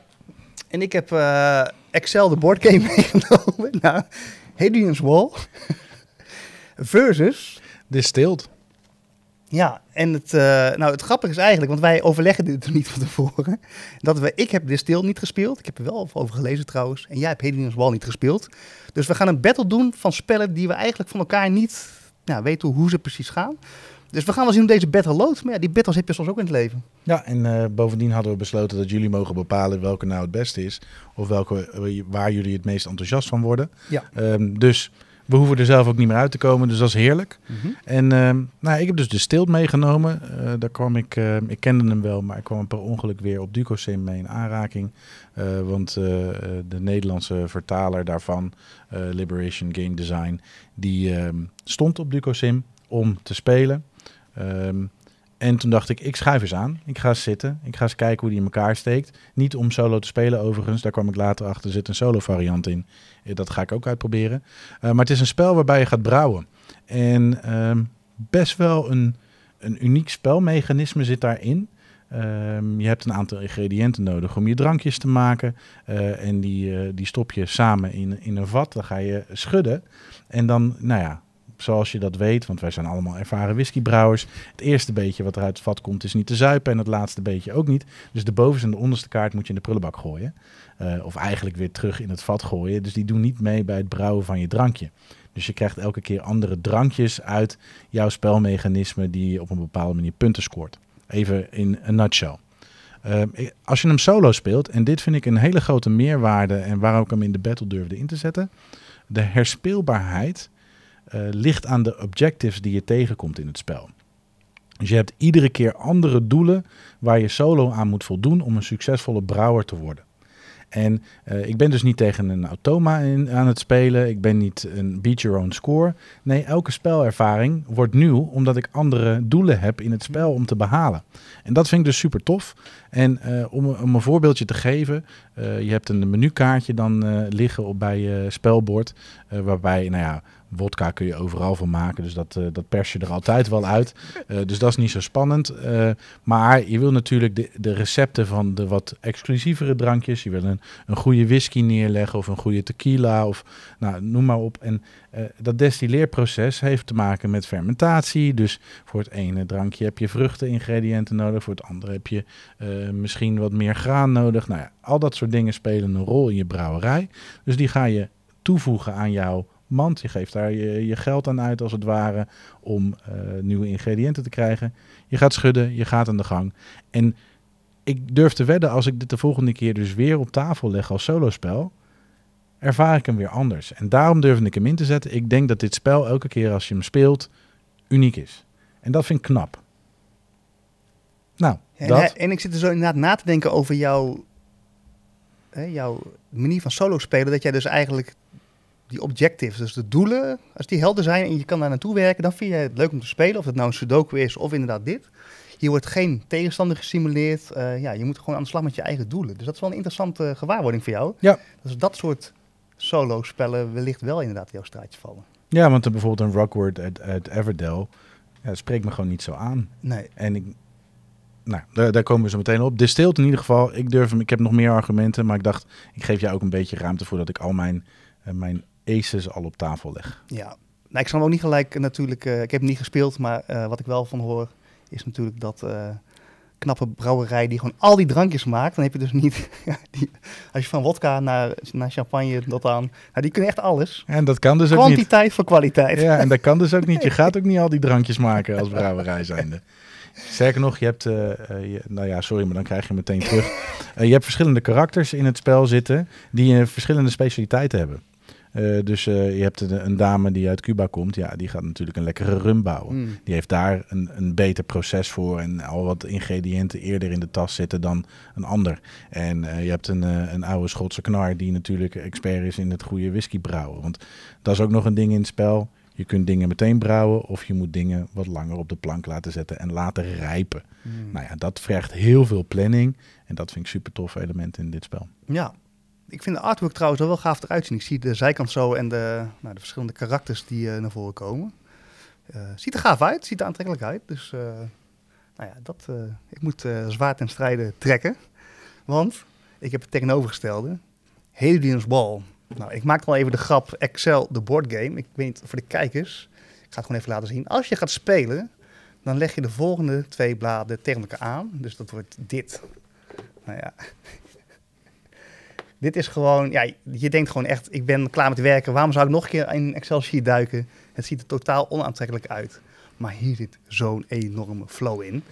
Uh, het is echt een super gaaf spel. En dat bracht me nog wel even bij een punt. Je hebt natuurlijk inderdaad solo-only spellen. Want je gaat natuurlijk nu luisteraars krijgen die zeggen: ja, maar hebben we het nou over solo-only spellen of spellen die je ook alleen kunt spelen? Ik zit toch meer op de lijn van spellen die je ook alleen kunt spelen. Want ik vind het inderdaad, omdat ik beide manieren leuk vind, vind ik het ook wel fijn dat ik een spel ook met anderen kan spelen. Dus mijn favorieten zitten toch vaak in de lijn van spellen die je beide kunt spelen. Hadrian's Wall kun je volgens mij met z'n vieren spelen. Oh, 1 tot 6 spelers zelfs. Maar dat is echt totaal nutteloos. Dit is gewoon, als je dat doet, dan ga je gewoon met z'n allen op een, in een kantoorruimte zitten en iedereen zit achter zijn computer in een Excel te werken. En aan het eind van de dag zeggen, jongens, de tijd zit erop. En dat moet je gewoon niet willen. Dus dit is een spel wat voor meerdere spelers kan, maar ga dit echt alleen spelen. Want dat is echt een topervaring. Maar ga er dus niet met meerdere mensen mee aan de slag. Is gewoon niet, uh, niet nuttig.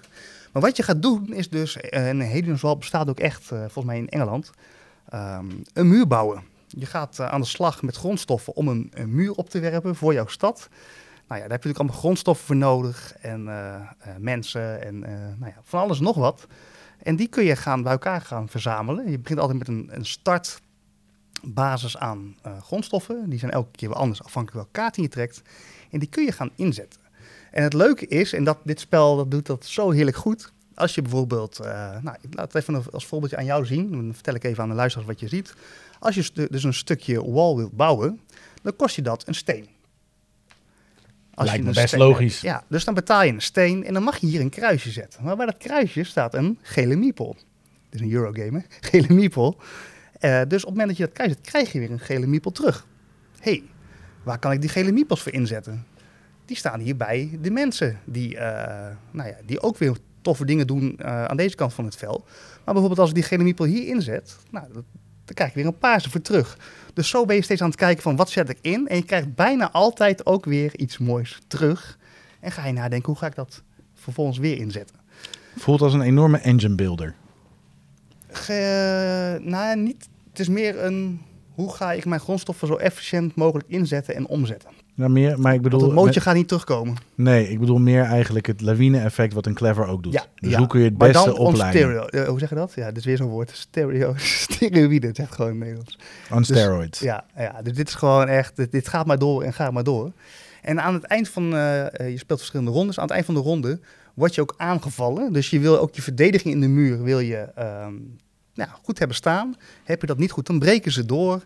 Gaat je dat minpunten opleveren.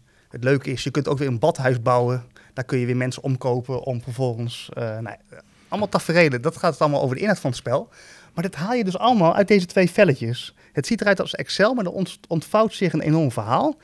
En um, omdat je dus en daarom moet je het ook niet met meerdere spelers gaan, uh, gaan spelen. Je bent zo aan het schuiven met grondstoffen en je kunt elkaar ook helemaal niet gaan controleren. Als ik bij jou ga kijken, Luc, heb je dat wel goed gedaan? Jij pakte daar een gele, maar uh, moest je dat niet een blauwe zijn? Dat moet je helemaal niet willen. Is, is hij competitief dus als je met meerdere spelers speelt? Ja, dat je in, in die zin, je hebt totaal geen spelersinteractie. Nee, maar uiteindelijk degene die het het beste gedaan heeft, ja, wint. De meeste punten, ja, ja, de hoogste punten. Dus, dus het is een beat your own score game dan? Eigenlijk wel, ja. Hm. ja. Solo is dus, is, en dit speel je ongeveer in een uurtje weg, drie kwartier tot een uur. In het begin, de eerste potje, denk je eerst van wat gebeurt er allemaal, maar dit is het regelboekje is zo enorm duidelijk. Ben ik zo meteen benieuwd naar uh, bij Distilled. Zo enorm duidelijk geschreven dat je in deze chaos van Excel in één keer snapt, wauw, dit werkt zo. Lekker man, ga het proberen. En uh, nou ja, het is natuurlijk een versus. Dit, dit doet het zo goed, dat boekje, dat je er zo in wordt meegezogen als solo-speler. Hoe is dat voor Distilled?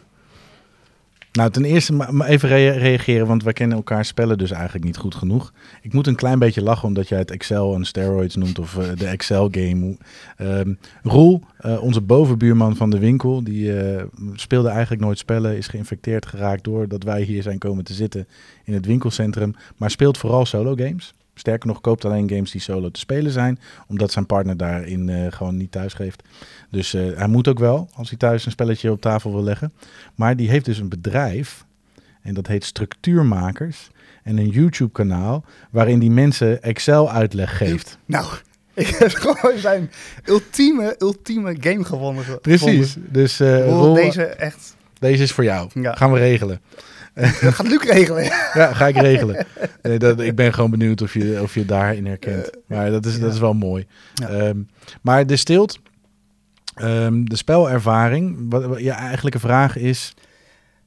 Nou ja, kijk, het is een battle, hè? Dus Ja. eh, stel, je hebt besloten, ik wil ook eens dat solo spelen gaan doen. Je pakt of de stilte bij of eh Hedinus Ball. Mijn pleidooi is, naast dat het heel erg leuk is en stroomlijnd en heel veel, op heel veel leuke knopjes drukt, is het regelboekje zo duidelijk geschreven dat je binnen het na één keer doorlezen van het boekje bijna al wel weet hoe het werkt. Nou, ik denk dat Distilled heel toegankelijk is, omdat eh, het goed speelbaar is. En ehm, het is af en toe een klein beetje ehm, gepriegel om hem klaar te zetten. Met heel veel kleine dingetjes, heel veel, heel veel tierenlantijntjes en mooie stukjes. Wat voor mij ook wel weer de charme is en waar ik hem inzet. Want deze doos zit een potje goed in elkaar. Er zit er al een, een opbergsysteem in. Eh, alles zit netjes in vakjes. Eh, dat kan echt niet door elkaar gaan schudden. Het zit perfect. De, de, de standaard inhoud van de doos is al gericht op de, de uitbreidingen die je erbij kan stoppen. Gelikt, mooi, mooie elementen. Ehm, eh, ik wil niet zo ver gaan dat het Ameritrash is, want dat is het absoluut ook niet. Maar het is wel af. Dus het ziet er mooi uit. En de speelbaarheid, om dan toch ook antwoord te geven op je vraag. Ik wil zeggen, je bent eromheen aan het cirkelen. Ik ben er niet omheen aan het cirkelen, maar ik wilde gewoon nog even een paar punten maken. Eh, de speelbaarheid is dat het spelmechanisme eigenlijk heel erg toegankelijk is. Hij kan misschien overweldigend eruit zien door de hoeveelheid aan stukjes, maar eigenlijk is het spelmechanisme eh, simpel, ehm, zonder dat het gebrek aan diepgang heeft. Dus iedereen kan dit heel makkelijk leren. Er staat ook 30 minuten per speler. Ik denk ook dat een eh, tweede keer solo, de eerste keer lukte me dat niet, dan was het ongeveer een uur. Maar tweede keer solo ga ik echt wel richting dat half uur toe. Hmm. Omdat ik gewoon, dan heb je een keer er doorheen gelopen, heb je dat gespeeld, dan snap je echt wel hoe die in elkaar zit. Dat moet echt wel kunnen. En ook van dat half uur per speler, mocht je hem een keer met meer spelers spelen, dat is ook haalbaar. Ja, dit is wel echt. eh de- ik zie het op de doos staan. Ik denk, dit klopt niet wat je zegt. Dit- als je de doos ziet, verwacht je veel meer. Maar ik zie inderdaad nu vanuit mijn ogen zo 30 minuten per speler. Daar heb je, me wel, daar heb je wel iets moois. Zo'n doos en dan een spelervaring solo voor 30 minuten. Inclusief een uur klaarzetten, maar nee, nee, geintje. Nee, op het moment dat je weet hoe die in elkaar zit, dan ben je daar vijf tot tien minuten mee bezig. En ik denk echt wel dat je hem in een half uur kunt doen. En ehm, het is alleen wel heel lastig als je analysis paralysis hebt. Eh, want ja, je moet keuzes gaan maken. Waar ga ik nou op inzetten? En nou ja, daar hadden we het de vorige keer over. Een eerste keer dat je een spel ervaart, knallen doorheen. Ga gewoon proberen. Maakt niet uit of je flopt of niet. Ga het ervaren. Eh, want dat was iemand die toen vroeg van hoe leren jullie al die spellen zo snel? Doe het. En besef dan dat je een enorme oelewapper bent na zo'n eerste keer en doe het een tweede keer beter. Dat is allemaal niet zo spannend. En ik denk dat het bij Distilled, die eerste paar rondes moet je een beetje zoeken. En daarna denk je, oh ja, zo zit hij in elkaar. Het spelmechanisme is een, een herhalend spelmechanisme. Dus er zit geen opbouw- en moeilijkheidsgraad van mechanisme. Maar wel een hele goede, goede strategie en diepgang in hoe ga ik plannen. Ga ik voor die luxere drank die langer moet rijpen om aan het einde veel punten te scoren of na lang wachten? Want dat moet iedere keer, elke ronde moet dat dan blijven rijpen in die kelder van je. Of ga je voor de quick wins en de snelle, eh, de snelle destillaties van, van, van goedkopere dranken. Dus die vind ik mooi. Vind ik wel, ben ik wel benieuwd waarom jij uitspreekt. Het is wel lastig als je eh, last hebt van analysis paralysis. Mhm. Gelukt, hè? Ja, ja, is goed. Waarom is dat lastig? Nou, omdat ik denk dat ehm, veel mensen die analysis paralysis hebben, die hebben een soort behoefte om het perfect te doen. En die, die, eh, die balen ervan als ze een verkeerde keuze maken. Daarom overdenken ze te veel.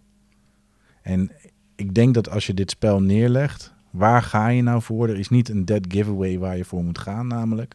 Eh, want je bepaalt zelf de ingrediënten van je, eh, van je drank. De geluksfactor zit hem in het feit dat je moet schudden en dus het begin en het eind moet weggooien. Ehm, ja, ik denk als je dat zo optimaal mogelijk wil doen, dat je daar dus af en toe vast komt te liggen. Maar voor solo-spelers denk ik dat dat meevalt, want je jaagt specifieke doelen na. Je komt hem voor me in. Kijk, dat is dus het leuke van solo spelen. Er is niemand die tegen jou gaat zeggen... schiet eens even op, je bent al een kwartier over nadenken over je beurt. Als jij een half uur wil nadenken en echt alles wil uitrekenen, prima. Je hoeft met niemand rekening te houden. Snap je? Mhm. Dus dat is een pluspunt van het solo spelen. En Vaak is dat namelijk vervelend, omdat de rest van de tafel op je aan het wachten is. En jij dan zo iemand bent die dat allemaal wil gaan uitvogelen. Nu, het is jouw spel, jouw spelervaring. Er is niemand die op jou wacht. Als jij denkt, ik laat hem gewoon nog even een nachtje liggen. Ik ga er even een nachtje over slapen. En morgen pak ik hem op. Doen. Niemand die er wat van zegt. Dus dat is echt een groot pluspunt van spelen. En dan is dat hele analysis, analysis paralysis niet meer. Ja, jongens, je moet de vorige afleveringen luisteren om dit eh, te snappen. Maar ik heb het weer goed kunnen zeggen.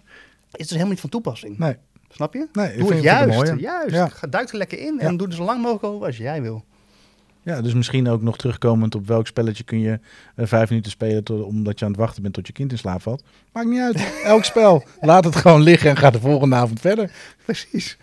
Ja, nee, maar dat is dus wel echt een, eh, ja, een groot pluspunt. Ja, hey, maar ehm, even trouwens, Hadrian's Wall.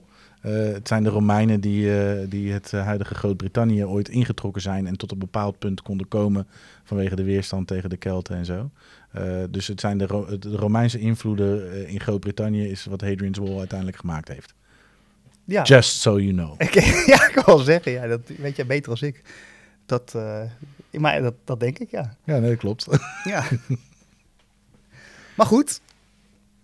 Oké, dus we weten dus nu, beide spellen zijn goed solo te spelen. Het zijn beide spellen die je met meerdere spelers kunt spelen. Alleen deze is wel echt gericht op meer puur solo.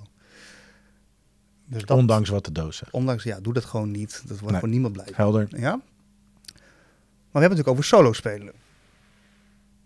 Ja, ga door hoor. Ik ga even iets checken ondertussen. Als je solo wilt spelen, dat het leuke van solo spelen is ook nog eens, je kunt het eigenlijk overal doen. Dus als ik bijvoorbeeld met mijn kinderen wel eens naar een binnenspeeltuin ga, dan zie ik allemaal ouders eh, daar heel gefrustreerd zitten. Of op hun telefoon. Of ze denken van waarom zit ik hier weer vier uur van mijn tijd te besteden. en ik heb dus serieus, dit is geen grap, meegemaakt dat mijn kinderen bezweet met rode koppen naar me toe kwamen. Papa, mogen we eindelijk naar huis? Dat ik zei, ik moet nog even een potje afmaken en we gaan zo. Want ik zit dus altijd gewoon lekker solo te spelen. En nu komt even waarom ik dit ook zeg. Je kunt dus zeggen, oké, eh, als ik de doos openmaak, er zitten dus naast die twee velletjes nog wel wat andere materialen bij. Namelijk wat eh, houten meeples en wat kaarten. Dus die moet je dan eigenlijk nog wel even in een zakje stoppen. Maar dan kun je dus eigenlijk zeggen, Luc, van nou, ik ga even wat spelen. Ik ga naar het eh, zwembad of zo, ik zit er even zo. Die, dat is één. Twee, aan zakje neem ik mee. Ik kan het ook nog mijn broekzak doen. En ik heb een grandioze spelervaring, neem ik mee. Ik kan het echt overal gewoon doen, waar ik wil. Ja, dat gaat bij de stil niet lukken. Nee, dus ja, het is een battle, hè? Dus, Ja, ja, dus hij is en toegankelijk te leren en overal te spelen. Zelfs op het station of op een, bij een eh, binnenspeeltuin, waar je ook maar wilt. Het is, het is wel zonder van papiertjes trouwens. Wacht even, daar moet ik ooit nog mee spelen. Jij zegt toegankelijker. Ehm, ik denk dat jouw spel in de categorie easy to learn, hard to master is. Ja. Ik denk dat, eh, ik geloof jou, want ik moet je op je woord geloven hier. Ik denk dat je hem prima snel kunt leren. Maar als ik naar de complexiteit van interactie op die velletjes kijk, dan denk ik, wil je dit echt goed doen en wil je echt naar die topscoren gaan, dan ben je echt wel een heleboel potjes verder. En ik denk dat de stilt, en dat is dus de voorkeur die je maar mag hebben, eh, makkelijk speelbaar is en ook heel snel eh, goed te leren. En zijn het de keuzes die het perfecte potje voor je maken of niet? En of je je doelen behaalt in het spel of niet. En ik denk dus dat, ehm, nou ja, dat kan een voordeel en een nadeel zijn. eh, dat je mijn spel echt vrij snel tot de diepte kunt doorgronden die het heeft. En bij jouw spel moet je daar echt wel heel wat tijd in stoppen voordat, je daar komt. Maar dat kan ook de uitdaging zijn. Ja. Ja, dat klopt. Maar ja, dat is ook de uitdaging. Als het makkelijk zou zijn, dan is het ook zonde. Want dan heb je allemaal van die papiertjes die je nooit meer gaat gebruiken. Dit is overigens mijn, eh, in mijn Board Game Geek, nee niet Board Game Geek, eh, mijn stats app. Dit jaar mijn meest gespeelde spel. Ook wel grappig, had ik Hoeveel- eigenlijk zelf hoeveel- niet verwacht. Hoeveel plays? Want het zijn behoorlijk dikke Ja, ik, heb- papieren nog. ik zit nu denk ik op 13 plays of zo. Oh, Ja, nou ja, ja maar goed. 13 Dol- keer een spel spelen, dat is toch met al die spellen die ik ook allemaal nog kan spelen. Hè? Dus dat is best wel... eh, ik Ja. heb Dobbelland al 120 keer gespeeld in, eh, in de afgelopen 12 Ja. maanden. Maar goed, en dat is misschien wel even goed om aan te vullen. Want ehm, het leuke is dus, dat je kunt dit gewoon spelen.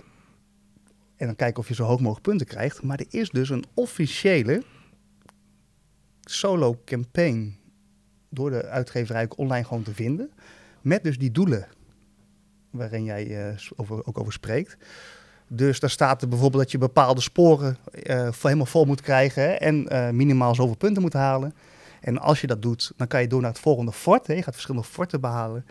En ehm, nou, als je dat nog beter doet, dan krijg je ook nog bij je volgende fort wat extra grondstoffen dus om dus eh, nou ja, beter te gaan starten. En ik ben nu bij fort 4 en er zijn een stuk of 12, dus ik heb nog redelijk wat forten te gaan.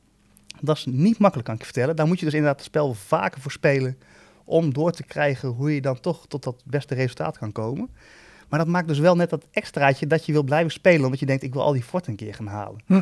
Dus dat is wel tof dat ze dat erbij hebben gedaan, eh, die makers. En ook officieel. Ehm, ja, dat geeft het net al wat extra uitdaging om zo'n spel te blijven spelen. Ik heb mijn kruid geschoten. Jij? Nou ja, dan als laatste, ja, je weet, ik ben altijd nog het laatste woord en die laatste knockout. Het blijft een battle. Zoals je al zei, dit gaat natuurlijk over het Romeinse Rijk, wat Engeland wilde binnen, binnenvallen. En eh, nou, wat, eh, dus dat is echt een goed thematisch.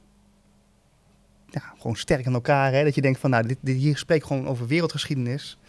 Terwijl distilled is gewoon, uiteindelijk is alcohol ook gewoon drugs. Maakt gezinnen kapot. En dan zitten we dat nu allemaal lekker bij elkaar te gieten en een leuk spel van te starten. Dus thematisch gezien is het gewoon eigenlijk kantje boord wat eigenlijk nog wel eh, moreel gewoon te verantwoorden is. Zegt degene die dit war of mine inbracht in de vorige Ja, battle. maar dat is ook gewoon op, op, op echtheid gerust, eh, berust. Maar jij wil gewoon eigenlijk gewoon eh, ja, met iets wat eigenlijk gewoon geaccepteerde drugs is. Ja, toch. eh, Het is wel grappig, hè? Op, the- op thema zou dit dus in Amerika nooit voor jonge mensen verkocht mogen worden. Er staat hier vanaf 14 jaar op de doos. ja. In Amerika zal hier dus minstens eh 18 plus moeten staan. Maar ik denk misschien zelfs wel 21 plus. Omdat het een alcoholgerelateerd thema is. ja, precies. Het verheerlijkt alcohol overigens niet. Maar ik snap je punt. Ik accepteer je punt. Ja, het is ja, helemaal goed. Met een knipoog, hè? Want als ik straks thuis kom, pak ik ook vast misschien wel een biertje om het even om de avond af te blussen. Dat zou zomaar kunnen. Nee, het, het- ik denk eh, waar ik nu nieuwsgierig naar ben. Hè, we zagen in de vorige battles, we hebben dus gezegd jullie bepalen. Ehm, waar ik nieuwsgierig ben is eh, welke spreek je het meest aan als je ze nog niet gespeeld hebt. Want wat we zagen vooral bij Marvel Champions, die, eh, ja, ik geef toe, die heb ik dan verloren. Maar dat waren allemaal Marvel Champions fans die zeiden, ja, Marvel Champions is het beste. Ja, hallo, je was al fan. En da- dan nog steeds is je, is je stem valide. Maar ik denk dat dit twee spellen zijn die misschien niet zoveel gespeeld zijn door onze luisteraars. En ben ik wel nieuwsgierig naar wat spreek je nou het meeste aan om solo te gaan uitproberen. Want Ja. dat is de battle uiteindelijk die we neerleggen. En overigens weet ik dat beide spellen goed worden beoordeeld door de solo bordspellen community. Kijk, dat is mooi om te weten. Daar had ik natuurlijk geen notie van. Nee, dat, is allemaal, dat zijn geheime werelden, jongen. Die zijn er ook nog. Hey, ehm, top 3. Dat is ook wel weer grappig, want nu hebben we helemaal niks met elkaar doorgesproken. Dus eh, geen idee waar we nu op uitkomen. Hoe wil je die aanvliegen, Jelle? En je hebt de vorige keer heb jij eh, een beetje vals gespeeld, toch? Dat had jij in één keer een uitgever met tig spellen op nummer 2 staan. Klopt. Ik heb stiekem twee top 3's gemaakt. eh, omdat, met een idee daarachter. Dus ik heb eigenlijk zes spellen die ik ga, benoemen. Mhm. Dus misschien zal ik daar anders eerst even uitleg over geven. Doe dat. Want voor mij als solo-speler heb ik dat al uitgelegd. Dus in deze podcast ligt de focus ook op spellen die je met name solo kunt spelen, maar ook met andere mensen. Met een goede solo-variant. En ik ben er even goed gaan voelen bij mezelf van hoe sta ik nou eigenlijk in die wedstrijd van het solo-spelen. En dan heb ik dus eigenlijk twee vormen. Namelijk de spellen die je tussen de 0 en de 60 minuten, zeg maar, die je dus in een uurtje speelt. Ehm, die vrij, ja, vrij makkelijk door te spelen zijn in, in een uurtje tijd. Maar je hebt ook spellen waar ik echt gewoon, dus in mijn eentje, eh, drie, vier uur wil besteden om dat op tafel te leggen en dan gewoon echt tegen een automaat spelen. Ehm, die avond heb ik ook. Daarvan zullen mensen denken, wappie. Maar eh, ja, om- dus, en dat zijn twee soorten spellenervaringen voor mij. Dus ik heb eigenlijk op die twee niveaus heb ik dus mijn top drie samengesteld. Ja, lekker dan. Ik heb ze denk ik samengevoegd. Nee, Maar heel goed. oké. Ja. Nee, maar... ehm, nou, we- Laten we ehm, beginnen bij de, die komen misschien wel het meest overeen, de, de spellen die je eigenlijk tot ongeveer een uurtje doorspeelt. Ja. Dan heb ik op nummer drie, heb ik Cartographer staan. Cartographer is een spel eh, die je dus ook met meerdere spelers kunt spelen, waarin je eigenlijk gewoon een kaart gaat tekenen aan de hand van bepaalde opdrachten en een soort van Tetris-achtige figuurtjes. Maar waarom ik die in mijn top 3 heb staan, dat is voor mij wel echt een, een soort rustgevend spel. Je pakt gewoon je opdrachtjes erbij. Die kan je dus heel goed solo spelen. Want maar dat, het spel blijft eigenlijk gewoon hetzelfde. Ik heb ook een mooie set kleurpotloden bij. nou denken mensen helemaal van die zwappie. Tjada heeft haar eigen set kleurpotloodjes trouwens ook daarbij. Uh, als we samen spelen. En dan kun je dus lekker met een muziekje aan, uh, een drankje erbij, lekker even tot rust komen, je figuurtjes inkleuren. Dus je bent bezig met die puzzel, maar je bent ook gewoon even lekker aan het uh, ontspannen en aan het, aan het tekenen en kleuren. Ja, dat is na een dag hard werken, wil je dat gewoon, is het gewoon een heerlijke solo-ervaring, Cartographers. Ja, en uh, volgens mij speelbaar van 1 tot 99, als ja. je maar genoeg blaadjes hebt. Ik heb hem laatst met z'n 12 gespeeld en dat werkte verrassend goed. Hm. Ik zie dan echt zo'n overhead projector of een, een beamer waarop de kaart wordt getoond die iedereen mag tekenen. En dan zo'n hele collegezaal vol met mensen die dan uh, op dat papiertje dat spel aan het spelen zijn. Ja, dat was niet hoe ik erbij zat, maar ja, dat zou zomaar kunnen inderdaad. Ja. Oké, okay. um, ik heb op, top, uh, op mijn derde plek een spel zitten die puur solo speelbaar is. maar die mij altijd trekt en ook misschien al wel decennia lang trekt. Omdat die ook wel eens digitaal is uitgebracht, maar ook al heel lang bestaat. En dat is Rush Hour. Een, een parking puzzler. Je moet volgens een kaart die een bepaald niveau heeft, zet je je speelbordje klaar. Je zet daar allemaal auto's van verschillende maten zet je op dat speelbordje. En je moet uiteindelijk één autootje via de uitgang naar buiten krijgen. En daardoor moet je gaan schuiven, net zoals die kleine puzzeltjes waar je gewoon moest draaien en heen en weer schuiven tot het plaatje op zijn plek was. Dat gevoel een beetje. Uh, dat doet Rush Hour. En dat is gewoon zo'n lekker inzichtspelletje. Omdat ik het liefst, dat vind ik dan voor mezelf de uitdaging. Je kunt als een malle gaan schuiven. Zoals je vroeger ook Rummy Cup te zeg maar. Oh nee, pas toch niet alles weer terugschuiven. Nee, wat ik het leukste vind is om naar die puzzel te kijken. En eigenlijk geen fouten te maken. Dus ik probeer in mijn hoofd te redeneren hoe die auto eruit komt. En dan dus eigenlijk als ik die auto wil verplaatsen, zit deze auto in de weg, dan zit deze auto in de weg, dan zit die auto in de weg. En voor mezelf echt dat plan te maken en dan pas te gaan schuiven. Ja, wat cool. Ik heb hem niet eerder gespeeld en ik weet wel dat mijn hoofd vindt dat echt lastig, wat jij nu beschrijft. Maar dat maakt misschien des te aantrekkelijk om eens te proberen om daarin te oefenen. Ja, en, en wij, we hebben deze als demootje zo op onze koffietafel staan in de winkel. Um, als mensen met kinderen binnenkomen, ze gaan altijd zitten en schuiven. En dan zet ik er even eentje voor ze klaar. Een beetje toegankelijk niveau. Succeservaring is natuurlijk belangrijk. Um, maar het, het, is gewoon ontzettend leuk en uitdagend. Uh, er zijn mensen die ongetwijfeld dat bordje willen flippen bij de moeilijkere varianten. Omdat ze er echt niet uitkomen. Maar ik vind dat dus heerlijk. Dus die staat ah. op plek 3. Mooi, ja. Ik, uh, is, maar is dat dan... Mijn dochter heeft een aantal van die... Dat zijn ook inderdaad allemaal van die inzichtspelletjes. Bepaalde series dat. Q-Games of zo? Smart Games. Smart Games, ja. ja. Is dat uit de serie Smart Games? Uh, nee, deze is uh, uh, van Think Fun, zeg ik uit mijn hoofd. Um, die via Ravensburger in Nederland zit.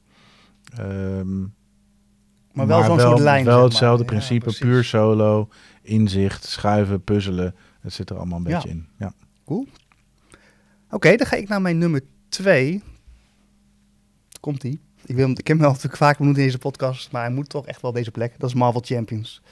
En dat is dus, uh, nou, die, die, speel je ook binnen een uurtje weg. Daar zit, nou, ik heb er best wat vaker over gezegd hoor, maar daar kan je dus uh, je eigen deck samenstellen. Kun je lekker een, een potje spelen tegen een uh, schurk, een villain. En um, ja, is dus ook zo'n spel, als je dat eenmaal weet hoe het werkt, dan, dan kan je ook eventjes, als je dus na je werk of dus een avondje, dat je even tot rust wil komen en toch even wat wil meemaken, dan leg je gewoon even lekker Marvel Champions op tafel. Uh, niet al te ingewikkeld, maar wel lekker veel diepgang. En um, ja, heb je in één keer een episch avontuur in je eentje aan de keukentafel om 9 uur s avonds. Nou ja, dat kan Marvel Champions. Ja. ja. Dus um, ja, topspel. Ja. Nou, mijn nummer 2 staat ook een uh, terugkerend spel. En dat is Coloma. Uh, ik had hem benoemd uh, omdat ik het artwork in Coloma, het thema, echt heel erg goed in elkaar vind steken. Uh, de Gold Rush in Amerika. Um, en solo speel je tegen een, een automa, een fictieve tegenspeler in dit geval. die ook daar zijn slaatje probeert te slaan. je ook in de weg zit, want het is een spel waar je elke keer een keuze maakt naar welke locatie gaat om je actie te doen. Dus er zit een draaischijfje op die met een magneet op het bord vastzit. Dus dat is Mm. ook wel een vrij unieke actie is dat. Dus geen pinnetjes die je ergens doorheen drukt, waardoor het moeilijk in de doos past uiteindelijk. Maar gewoon een schijfje die op een magneetje eh, klikt. Ehm, en eh, door een unieke locatie te kiezen, dus niet dezelfde locatie als je tegenspeler, kun je meer doen. Dus je moet daar een beetje in, in de solo variant gokken. Eh, in de, als je met meerdere spelers speelt, kun je een beetje inschatten waar mensen naartoe willen en dan juist een andere keuze maken. Ehm, maar dat vind ik dus een, een, een wat complexer spel, waar wat meer diepgang in zitten, die eh, mij toch ook geplezierd heeft. Maar misschien was het wel een vooringenomen gevoel. Maar die staat bij mij op nummer 2. Ja. En er komt binnenkort een uitbreiding van Coloma aan, zelfs van Final Frontier Games. Die ga je dan ook uiteraard even aanschaffen. En misschien ook die, gelijk, en, die gaat wel in de collectie, ja. en dan kun je dus gelijk even solo op tafel leggen. Kun je hem Ja. gelijk uittesten. Hoef niet te wachten tot we vrienden zijn. Nee, Ideaal. heerlijk. Ja. Ideaal. En wat staat er dan voor jou op plek 1? Ja, ik ben er normaal niet zo van om dus eh, mijn zojuist besproken spel op eh, nummer 1 te zetten. Maar ja, in dit geval, als je nieuw bent in de solo bordspellenwereld en je wil wat proberen, ga dan echt voor Hades Wall. Die, eh, ja, het ziet er niet uit. Het, wat ik al zei, het is Excel eh, keer 10.000. Je denkt echt van, wat moet ik hiermee? Maar dit is dus gewoon een goed voorbeeld van een spel wat je binnen een uurtje speelt. Regels zijn duidelijk omschreven, dus je bent eh, zo aan de slag. Er zit boordevol geluksmomentjes, omdat je allemaal bonusknopjes aantikt en eh, nou ja, van het een in het ander rolt. Genoeg uitdaging heeft vanwege de campaign, solo campaign die erbij zit, waardoor je het ook vaker gaat spelen. En ehm, ja, ik denk dat het een heel mooie instap is om gewoon die wereld eens in te duiken. En dan heb je dus eigenlijk ook die puzzel die jij net omschrijft, die jij nodig hebt. Dus ik denk dat het ook wel eens wat voor jou zou kunnen zijn. Eh, dat je verder gewoon bezig bent met je doelen behalen en eh, gaat kijken hoe kan ik dus zo efficiënt mogelijk daar komen. Dus ik denk eigenlijk dat dit ook wel een hele mooie is eh, voor jou. Ik ben benieuwd. Misschien mag je van een rol lenen als die Ja. nou ja, volledig niet overleg. Maar wat staat er bij mij op nummer 1? Ook het spel wat ik heb meegebracht. En dat hebben we nog niet meegemaakt in de vorige afleveringen. En eh, waarom heb ik hem op één gezet? Eh, ja, wat ik eerder benoemde. Die spelervaring is iedere keer anders. Ja. Dus de herspeelbaarheid. ehm, ik denk van het solo spelen, als ik elke keer hetzelfde dansje doe, of tegen die fictieve tegenspeler, of eh, om mijn eigen score te verbeteren, dan word ik misschien niet zo enthousiast van. Maar omdat ik hier iedere keer een ander verhaal, tussen aanhalingstekens, speel, staat deze bij mij op nummer 1. Mooi, mooie lijst. En dat, dat jij gewoon geen, een maand geleden nog geen solo-speler had. En nu heb je gewoon een top 3. Hey. Ja, goed hè? maar goed, jij hebt een dubbele top 3 en terecht ook, want jij bent de man van de solo spelen. Ja, dus laten we die ook nog even behandelen. Dus eh, ben je dus ook zo iemand als ik die het ook heel prettig met zichzelf vindt om gewoon drie uur lang, vier uur lang een spel in te duiken op een avond. En daar ook echt uitgebreid de tijd nemen om zijn automaat te besturen. Want deze spellen die ik ga benoemen hebben vaak wel echt iets meer... Ja, die hebben ook wel een eh, learning curve. Dus dan moet je ook wel echt even induiken om te snappen hoe moet ik die automaat besturen. En ja, dan moet je dus wel wat tijd in investeren. Maar als je dat eenmaal door hebt, dan, dan begint het te lopen en dan kun je dat makkelijk doen. Dus dit zijn geen gemakkelijke instappers. Maar als je het eenmaal doet, heel veel waard om gewoon toch een mooie spelervaring alleen te hebben. En dan op de plek nummer drie is eigenlijk best wel een beetje een ondergeschoven kindje volgens mij in de bordspellenwereld. Eh, dat is Carnegie. Carnegie, Carnegie. of zo, of zoiets rechts, Carnegie. Maar eh, over William heet hij volgens mij, William Carnegie. Daar is van alles over te zeggen over die man, of hij nou goed of slecht was. Volgens mij, eh, dat, daar zijn ze ook over in het regelboekje. ja, zeggen ze gewoon van ja, daar zijn we neutraal in. Hij is een robber baron hè? Hm? Hij wordt gezien als robber ja, baron. precies. Maar Dus ja, iemand die heel veel geld verdiend heeft aan moderne slavernij en aan... eh, nou ja, dat, dat is een beetje het. Ja, Ja. richt je op, was het gewoon een goede zakenman of was het moderne slavernij destijds? Ja. Dat is eh, in die fabrieken. en Maar daarentegen kennen veel mensen hem waarschijnlijk als filantroop, omdat Ja. hij heel veel investeerd heeft in het onderwijs en in de arts. Carnegie Hall New precies. York. Nou, Nou, die hele discussie, nou ja, goed, ben je daar heel gevoelig voor? Koop het spel dan niet of zo? Dan heb je misschien wel hele. Maar het is dus zo'n spel wat je op tafel legt. En eigenlijk valt hij qua zwaarte nog wel mee. Maar dat thema, dat spreekt gewoon. niet- Ik, ik leg hem gewoon niet bij mensen op tafel als ze komen spelen. Want ik denk, ja, hier worden ze niet blij van of zo. Ook het thema, je, je hebt namelijk een fabriek. En daar eh, zijn verschillende afdelingen. En die fabriek kan je voor je laten werken. Dus je hebt echt het idee dat je een eigen business aan het draaien bent. En dan wil je dus ook in Amerika dus bepaalde gebieden, nou, fabrieken gaan bouwen, werknemers erop uitsturen. Dus je bent eigenlijk gewoon een business, eigenlijk een soort van koning bordspel aan het draaien, maar dan in een bordspel. En je speelt dan dus solo tegen de automaat, tegen Carnegie. En het het leuke is dat je die moeilijkheidsgraad kun je dus aanpassen. En als je dat nog op zo'n makkelijk speelt, zie je op een gegeven moment welke bepaalde acties hij sterk in is of gaat worden. Dus ehm, nou, daar kun je een beetje op anticiperen. Dus je, je kunt een beetje in zijn kaarten kijken eigenlijk. Eh, ga je het moeilijker spelen, dan zie je dat helemaal niet. En dan kan je helemaal verrast worden. Maar dit is zo'n heerlijk spel wat je eigenlijk dus gewoon lekker wil gaan uitdenken. En dat mag dan dus ook, omdat je solo speelt. En dan kan je dus heerlijk dat puzzeltje gaan leggen en kan je lekker uh, strijden tegen Carnegie. Dus die is voor mij echt wel uh, ja, voor een avondje vermaak in mijn eentje. Op nummer drie. Ja, hij was genomineerd voor de Nederlandse Spellenprijs vorig jaar. Ja. Niet geworden, maar... Nee, maar ik heb er ook niet heel veel verder over uh, gezien of zo. Het is volgens mij best wel een beetje een ondergeschoven kindje. Ja, dat denk ik ook wel, ja. Dus ik heb wel een keer met Bastiaan over gespeeld. Het heeft hij elkaar ingemaakt. Met Uiteraard, ja. ja. Dead giveaway. Dus, uh, om het eventjes door te pakken. Uh, nummer twee is zo'n ander spel. Wat ik gewoon net te lang vind duren als je met meerdere spelers speelt. Maar in je eentje mag het dus ook te lang duren. En kun je het ook doorzetten naar de volgende dag. Als je de ruimte hebt om een spel te, te, laten liggen. Dat heb ik dan, die luxe. Ik heb een spelletjeskamer ondertussen. uh, soort van bezet.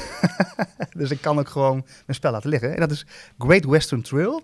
En ik heb daar dus laatst de Argentina versie van gekocht. Uh, ja, Great Western Trail is gewoon echt een klassieker. En uh, dit is dan weer een wat nieuwere versie met uh, nog wat meer uitbreiding. En dan speel je tegen Pedro.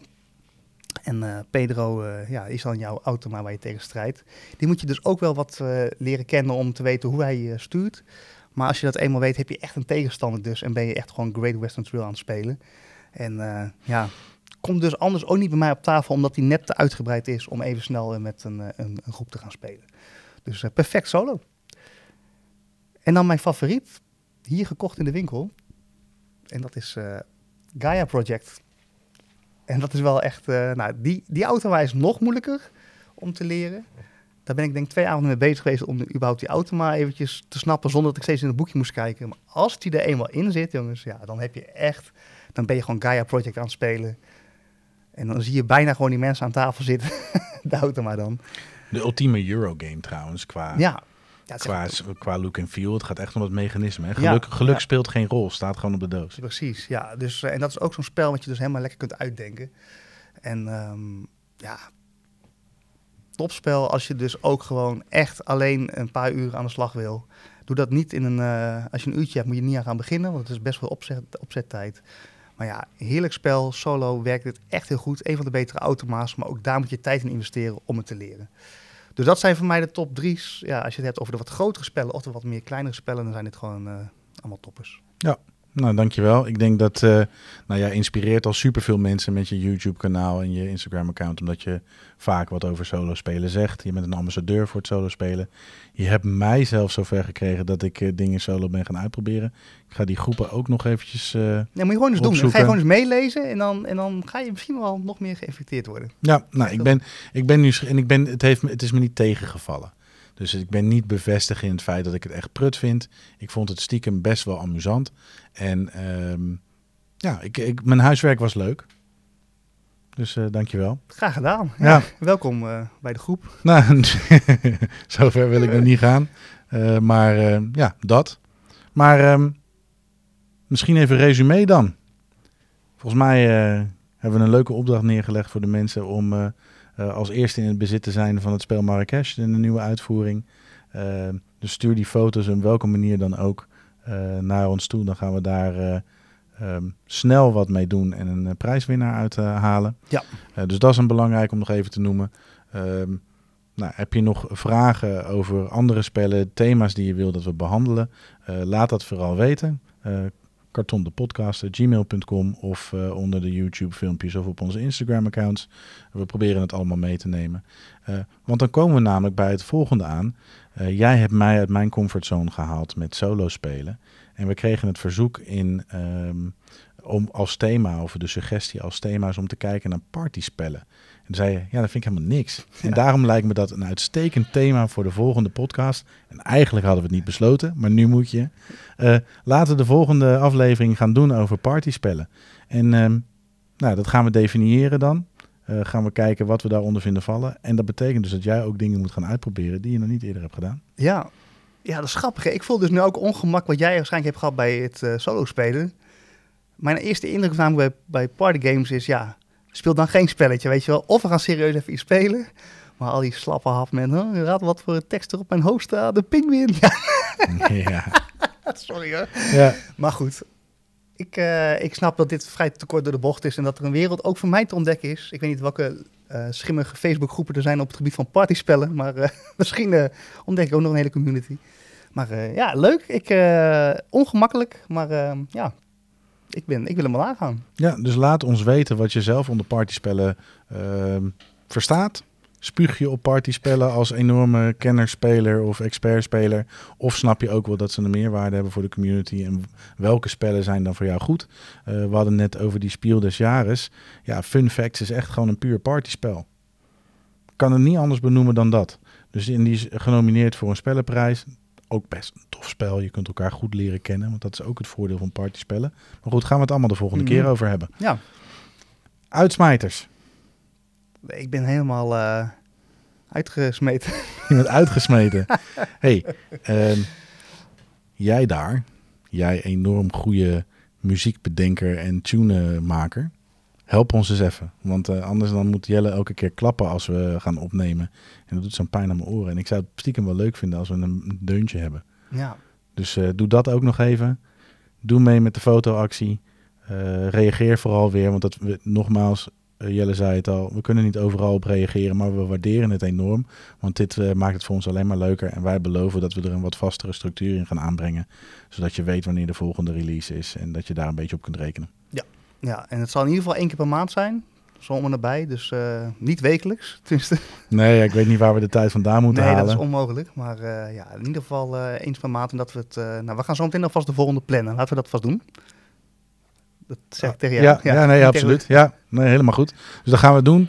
Ehm, eh, Jelle was de vorige keer super snel met editen, dus dat gaat hij nu ook weer doen. Dus eh, Ja, dat ging snel, Ja. hè? Ja. Dat zo, eh, ja. nou ja, jullie zien het toch pas als we daarmee klaar zijn. Ja. Dus, maar ik hoop dat je met plezier geluisterd hebt in etappes. Ik heb geen idee hoe lang we erover gedaan hebben. Het kan nu toch niet meer anders. ja bijna, we tikken bijna twee uur aan. Ah, Oké, dus ietsjes korter. Helemaal goed. Eh, bedankt voor het luisteren Yes. en eh, tot de volgende keer.